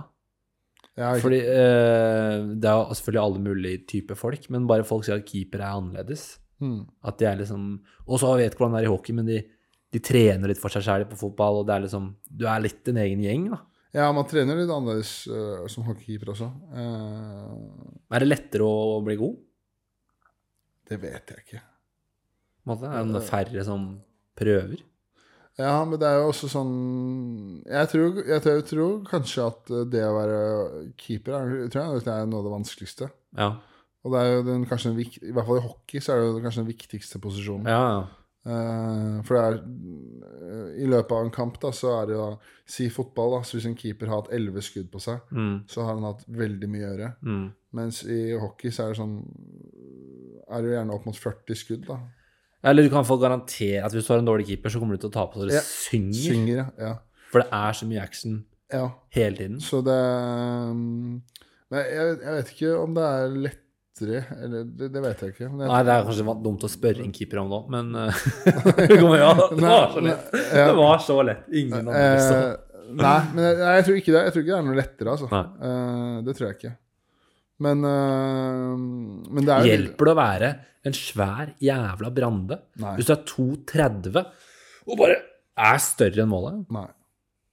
Ikke, ikke, ikke bra. Nei. Nei. Nei, men det, det er ikke for Da hadde jo alle bare hatt en sånn sumobryter i mål. Ja, ja. Eh, men i hvert fall sånn moderne hockey nå hvor det er eh, Hvor folk er så gode, Mm. eh, og det skjer så fort, da, så er man avhengig av, sykt avhengig av at keeperen er jævlig sånn bevegelig Mm. og god på skøyter og forstår spill og sånn. ja. Eh, så Nei, jeg tror ikke Det er en fordel å være høy, da. Ja. Hvis du liksom er De, de aller beste keeperne i verden er jo Det fins jo unntak, selvfølgelig, men jeg tror de aller fleste keeperne i verden som er de beste, er over 1,90. Okay. Eh, for det er en fordel å Hvor høy er du, da? Jeg er 1,83. Ja. Eh, så det er en fordel å være Men det er jo unntak. Det fins jo keepere som er 1,83 som gjør det dritbra. ja. Men eh, det er jo liksom sånn hvis, Jeg tror det beste komboen er eh, lett og bevegelig og tøyelig og høy, da. Okay. Eh, at liksom det er nok det beste. Ja. beste ja. Mm. For det sitter jo er, Må du sitte i skott, liksom? Eller slappe av, mann? Hvordan er det? Nei, eh, Sitter du helt i, i knebøy? Nei, det er ikke helt, helt knebøy, det er det ikke. Eh, det er på en måte mer sånn eh, inn med knæra. Okay. Sånn inn med knæra og sånn. Men det er liksom sånn Det er jo eh, samme som å være utspiller, sånn korte sekvenser av gangen. Ja. Når pucken er i, i din sone, og så går de i angrep igjen. og Ja. Da, da slapper man jo bare av. eh, og, ja, man gjør det. Eh, man må jo være på mentalt, selvfølgelig, men Ja. det, Ja, for Hender det at du sto der og bare begynte å tenke på alt mulig annet? eh, Ja, det kan, det kan jo hende, det. Man jeg har vært keeper i fotball, så har dere sett mange ganger. Ja, man prøver liksom å unngå det og liksom ha fokus på, på, på kampen. Da. Det er det som skiller de som blir hockeyspillere fra de som Ja, det er veldig dumt å tenke på de som uh, var ferdig med meg når jeg begynte på hockey i Holmen uh, ti, ti år seinere. Men, uh, så, men man kan jo selvfølgelig Man har jo sånne dager hvor man sliter å konsentrere seg, og tankene vandrer. Ja. Uh, ja. Hvem, er, hvem var liksom idolet ditt, da? Hvem var du så opp til? Er det Henrik Lundqvist? Nei, jeg hadde, ikke, jeg hadde ikke det. Jeg hadde mer eh, en som heter Keri Price, som var liksom jeg, min favorittkeeper. Ja. Som var sånn her, keep for Montreal Canadiens okay. i NHL. Som jeg syns var den kuleste keeperen. da. Hvorfor det? Eh, nei, bare fordi jeg likte, likte stilen hans og likte utstyret hans. Og syntes han var kul. Da. Det er veldig mye sånn forskjellige stiler, eh, sånn hockeykeeper-stiler. Ja. Sånn kontra både teknikk og utstyr og åssen leggbeskyttere man bruker og sånn. Okay. Så han var liksom Rolls-Royce for meg, da. Eh, Hva, hva, hva var, var ikke Henrik Jeg trodde Henrik Lundqvist liksom var den store, kule kjekkasen. jeg. Han er jævlig kjekk. Jeg er jævlig kjekk, ja. Han Jeg så han en gang live ass, i Stockholm. Jeg? Ja, eller, jeg, jeg skjønte ikke helt at det var han. Det bare sto en sånn veldig høy, stilig fyr. Ja. Nei, han ser ut som en million, han. Altså, det er ikke det. Men jeg bare, han, hadde, han hadde veldig annerledes stil enn det jeg hadde, som, Ja. som keeper. da. Okay. Uh, så da var det liksom jeg Herregud, han er dritfett, det er ikke det. Men det var liksom ikke, det traff liksom ikke meg sånn, helt inn i hjerterota, sånn som uh, herr Price gjorde. Ja. Ja. For jeg, jeg har sett en del sånne der Rangers behind the scenes-ting når Zuccarello var der. Og eh, Henrik Lundqvist, eller Hank, eller hva de kaller han, han, er, han var superstjerne, liksom. Han var virkelig sånn, Ja, ja. han var sånn Og det kan hende at de, for mange av hockeygutta er litt sånn rufsete og litt sånn har mye skjegg og langt hår. Er litt sånn, noen av de kjører den der uten tenner-looken litt med vilje, virker det som. Ja. Eller at de venter med å fikse det. Men han ser, han ser ut som en Hollywood-skuespiller ja. hele jævla tida. Jeg tror de kalte han King of New York. Ja, Ja. han var Han, sikkert der. Kallenavnet hans var jo The King. Ja. Så det er klart at da er du Må være ålreit, da. Når Ja. kallenavnet er The King. da, da går det bra. Ja, han var, eh, det var, han syns jeg var en stilig fyr. Men eh, har du vært der borte? Jeg har sett NHL? Eh, ja, men ikke i New York. Jeg har vært i, jeg har vært i Minnesota, og så har jeg vært i Toronto. Å ja. Ja. Hvorfor, hvorfor de stedene? Eh, Minnesota dro vi jo hvert år med NTG. Ja, Og i Toronto så dro vi på en sånn hockeyturnering i Toronto. Toronto ok. eh, med et annet lag jeg spilte på. Og da Ja. Og så da dro vi begge, begge steder for å se match, da. Det, hø det høres jo dritfett ut, og med hele videregående-klassen din og lagkompisene dine, Ja, og dra til USA som 17-åringer Ja, og var- få betalt. Ja, ja. da, da får man ikke betalt, da. Man får, okay. ikke, betalt, man, man får ikke betalt av NTG for å reise dit. Nei, men hvis du er på Frisklaget, får du ikke månedlig overføring av? Jo, da får, man får jo lønn da for Ja. å, fra Frisk Asker. Ja. Eh, Dra rett på de, Altså, jeg husker når jeg kom til USA første gang som 16-åring på utveksling. De hadde så Det var utvalg av alt du kunne få hvis du hadde et favorittlag. Du kunne få alle produkter til hjemmet i det. Altså, du kunne få slikkepott, liksom. ja, det er, det er dobørste, liksom, med, med, med logoen på der. Så det er jo ikke noe begrensninger. Det er jo helt sjukt hvor stort det er. I hvert fall i, sånne, i Canada og noen steder i USA så er det jo helt vilt stort. ikke sant? Det er jo, ja. For alle gutta drar på Taco Bell og bare ja. Det var drømmen, da. Ja, ja, det var jævlig det var jævlig ålreit. Det er jo eh, veldig fine minner å ha, da. Ja. De, de turene der. Så blir man jo Det er jo på en måte en kompisgjeng som gjør en kompisgjeng som gjør det de syns er morsomst, og henger sammen med de folka man liker best, da, i tre uker. Så det er jo helt, helt nydelig. Ja. Så ja. Nei, det er eh, Nei, det er virkelig For man føler seg heldig som har fått oppleve det. Men savner du det? Jeg savner det ikke så veldig mye, eh, fordi jeg føler liksom jeg får utløp av det gjennom standup. Mm. At liksom det er litt samme greia med å henge backstage og møte folk man liker. Og så eh, er jo på en måte standup det jeg syns er morsomst å gjøre nå. Mm. Eh, så det har liksom ikke vært så mye savn etter at jeg begynte med standup. At jeg får det utløpet gjennom der, da. Ja. Selv om det er to vidt forskjellige ting. Du må jo dra kjapt den storyen fra Vennesja da, hvis du kan fortelle om den, som du fortalte forrige jeg møtte deg. Du hadde vært sånn uh, Lærte sånn toastmaster? Ja, eh, Ja, lættis. Det visste jeg. Fordi, eh, eh, de, for de og de som ikke kan noe om standup-miljøet i Oslo og Norge, så er det jo De fleste får ikke betalt i det hele tatt, men eh, etter hvert så blir man jo booka. Du er på et booking eh, Var det Feel, uh, Feelgood? Ja, jeg, jeg, er jeg har ikke noen kontrakt der, men jeg har liksom en profil på Feelgood uh, gjennom uh, noe fikk, som Showpeople, da, som det heter nå. Okay. og da fikk du en, en toastmaster-oppdrag? Ja, det var faktisk, eh, det var faktisk noen som hadde sett meg på fulgte meg på Instagram. Ah. Så det var ikke gjennom noe bookingbyrå. Det var bare de som spurte. Å, ja. Ehm, ja, det var jo Jeg bare, fikk bare melding og lurte på om jeg kunne være toastmaster i et bryllup til jeg ah, kjenner ingen her. Så var det liksom ute i Vennesla. Uh, så var jeg ble liksom leid ned der, da. For å være toastmaster nede i Vennesla. Og det var egentlig jævlig gøy. Det var, hadde liksom fått full oversikt over alle gjestene og hvem jeg kunne melde på. og sånn da Så var det liksom kompisene til uh, brudgommen var liksom frittvilt. Da kunne du si hva du ville, og det var god Ja. Det var f.eks. en som hadde blitt tatt for å eh, stjele bilen til onkelen sin og fyllekjøre. Og det var liksom en gjennomgående tema i, hver gang jeg prata. Så når jeg skulle gi praktiske beskjeder, så var det sånn nødutgangen er der, uh, toaletter der, uh, baren er der. Og Thorvald, beskjed fra onkel, la bilen stå. altså det var liksom det var sånn gjennomgående. Ja. Og, nei, altså, det, var egentlig, det var egentlig veldig rart, da, for man blir liksom Ja. en del av bryllupet. Jeg satt jo på et bord og spiste middag. Eh, og reiste meg opp og var toastmaster og introduserte han som skulle holde tale. Ja, ja. Holdt velkomsttale. Um, og så, så fort middagen var ferdig, da, da stakk jeg. Okay. For da var min jobb ferdig. Men det, det syns jeg er veldig imponerende. Jeg har bare gjort én sånn firmajobb, Ja. og det er mer der du merker at her må du tørre å bare stole på deg selv, Ja, ja, ja. og bare blende Det er, mye, det er mye vanskeligere enn klubbjobb, en firmajobb.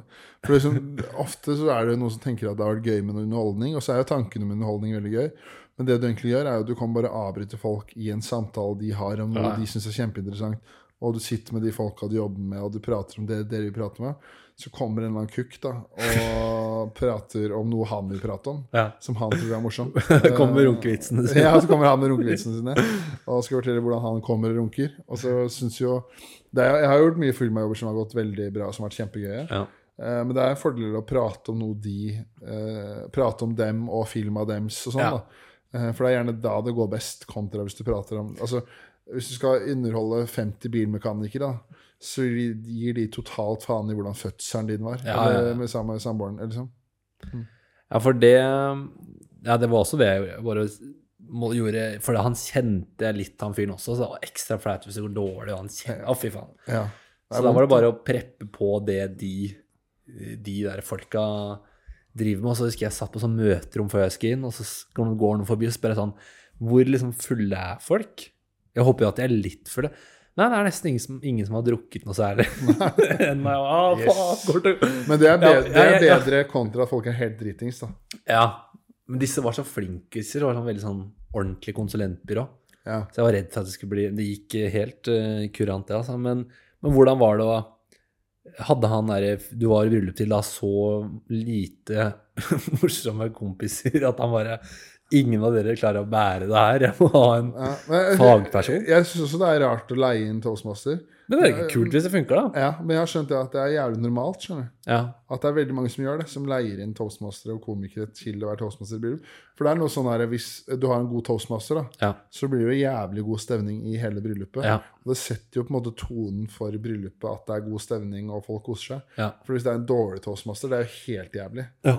Eh, så jeg tror det er litt det folk tenker at det er verdt å investere i en toastmaster eh, for at eh, For at liksom hele opplevelsen på bryllup skal bli bra. da. Ja. ja, det er jævla modig. Når du fortalte det, så var det jævlig ballsy gjort, for det synes jeg virka Det, Ja, jeg var, det var nervøs. Ja. For jeg var sånn her Hvis man fucker opp bryllupsdagen til noen, det er jævlig trist, ass. Da Ja, nei, det hadde vært jævlig kjedelig om ikke det gikk bra. Det heldigvis gikk det jævlig bra. Og så går det dårlig snart, så setter de seg ned og Ja. spiser mer med de andre. Det om? Hvilket bord satt du på? Uh, Ble du kompis med dere, liksom? Ja, det var en hyggelig gjeng. Det var veldig hyggelig gjeng. Eh, Det var, jeg, tror, jeg husker Det var ikke noe sånn bordnummer eller noe sånt. Jeg satt jo ikke med, jeg satt jo ikke med brudefamilien eller Nei. familien. Det var sånn ven, vennebord. Uh, De har masse internvits, og du bare hyler. Ja. ja. eh, nei, de var veldig hyggelige. Og det var veldig hyggelig, de brude, brudeparet også. Og veldig sånn takknemlig. Fikk, fikk melding av de dagen etterpå, og de hadde hatt det jævlig bra. Og, nei, så det var bare bra, det, egentlig. Det er kanskje ekstra digg hvis de fant deg gjennom Instagram, da, for da er det liksom Ja. Da liker de deg. Ja også, men det jo- selv om de gjør det, så betyr ikke at de 80 andre gjestene gjør det. Da. Så man blir fortsatt litt nervøs. Hvordan er sånne bryllup i Vennesla? Det er jo litt sånn Innlandet, Sørlandet, mye sånn rånested. Det var, men nei, det var helt, helt normalt, liksom. Sånn Ja. som alle andre bryllup har vært på. Bare koselige folk, og det var veldig sånn oppgående folk. Og så var det sånn Nei, de var eh, klare for eh, Mye selvironi og klare, klare for å bli meldt på. Og, Det er det ingen. Og brudeparet var veldig sånn her at vi vil at du skal med, snakke dritt om de og de og de. Og så var det selvfølgelig noen gjester man ikke fikk lov til å snakke om, som kanskje har litt tynnere hud, som ikke hadde syntes det vært så fett. da. Og så Da må man respektere det, for det, Ja. man vil jo som sagt ikke ødelegge bryllupsdagen til noen. Ja, for er du, er du gift? Nei. For jeg tenker på det hvis man skal ha Ingen av mine gode kompiser som er gift ennå, men noen har begynt å bli forlova, sånn, så tenker man sånn Hvem er det man egentlig har bryllupsfesten for? Er det for meg og mine venner, eller er det for tanter og onkler? Jeg tenker at man må ha det for seg og sine venner. Ja, fordi eh, altså hvis jeg skal ha litt Jeg vil jo ha litt melding og kødding og, og sånn noen gamle køddebilder fra sydenferien. Men sånn Skal tanta mi sitte og se på det? det blir, eller det går fint for min del, så lenge hun ikke blir støtt av det, liksom. Ja, ja, ja. Det blir så Jeg, jeg føler jo at eh, Nei, jeg vil at mitt uh, bryllup skal være for meg og mine venner. Uh, og, og at uh, jeg tenker Det viktigste er at brudeparet er fornøyd og får det som de vil. ja. Kontra å være en sur, gammel tante. ja, ja, hyggelig, tante, men jeg tenker bare, er de klare for Nei, da får de brette opp armene. det tenker jeg. Nå, nå, skal jeg, nå må jeg pisse, og så må jeg tenke på Ja. å stikke. Det går helt fint, det. Vi har holdt på i Et par timer. Ja, for faen. To timer allerede. Ja. men det er strålende, det. Men, Tusen, tusen takk for at du fikk lov å komme, da. ja, du, ja, du fikk komme. Jeg, fikk- jeg, fikk- at jeg fikk lov å komme. Ja. Ja. Ja, veldig hyggelig. Ja. Konge-Espen. Og så er det bare å følge deg på Følg meg på alle sosiale medier og ja. komme og se på Espen. Jeg Han er moro. Hvis jeg ikke har eh, 500 nye følgere når den episoden her kommer, så blir jeg jævlig sur på deg. Det skjønner jeg. Ja, men konge. Takk Ja, takk skal du ha.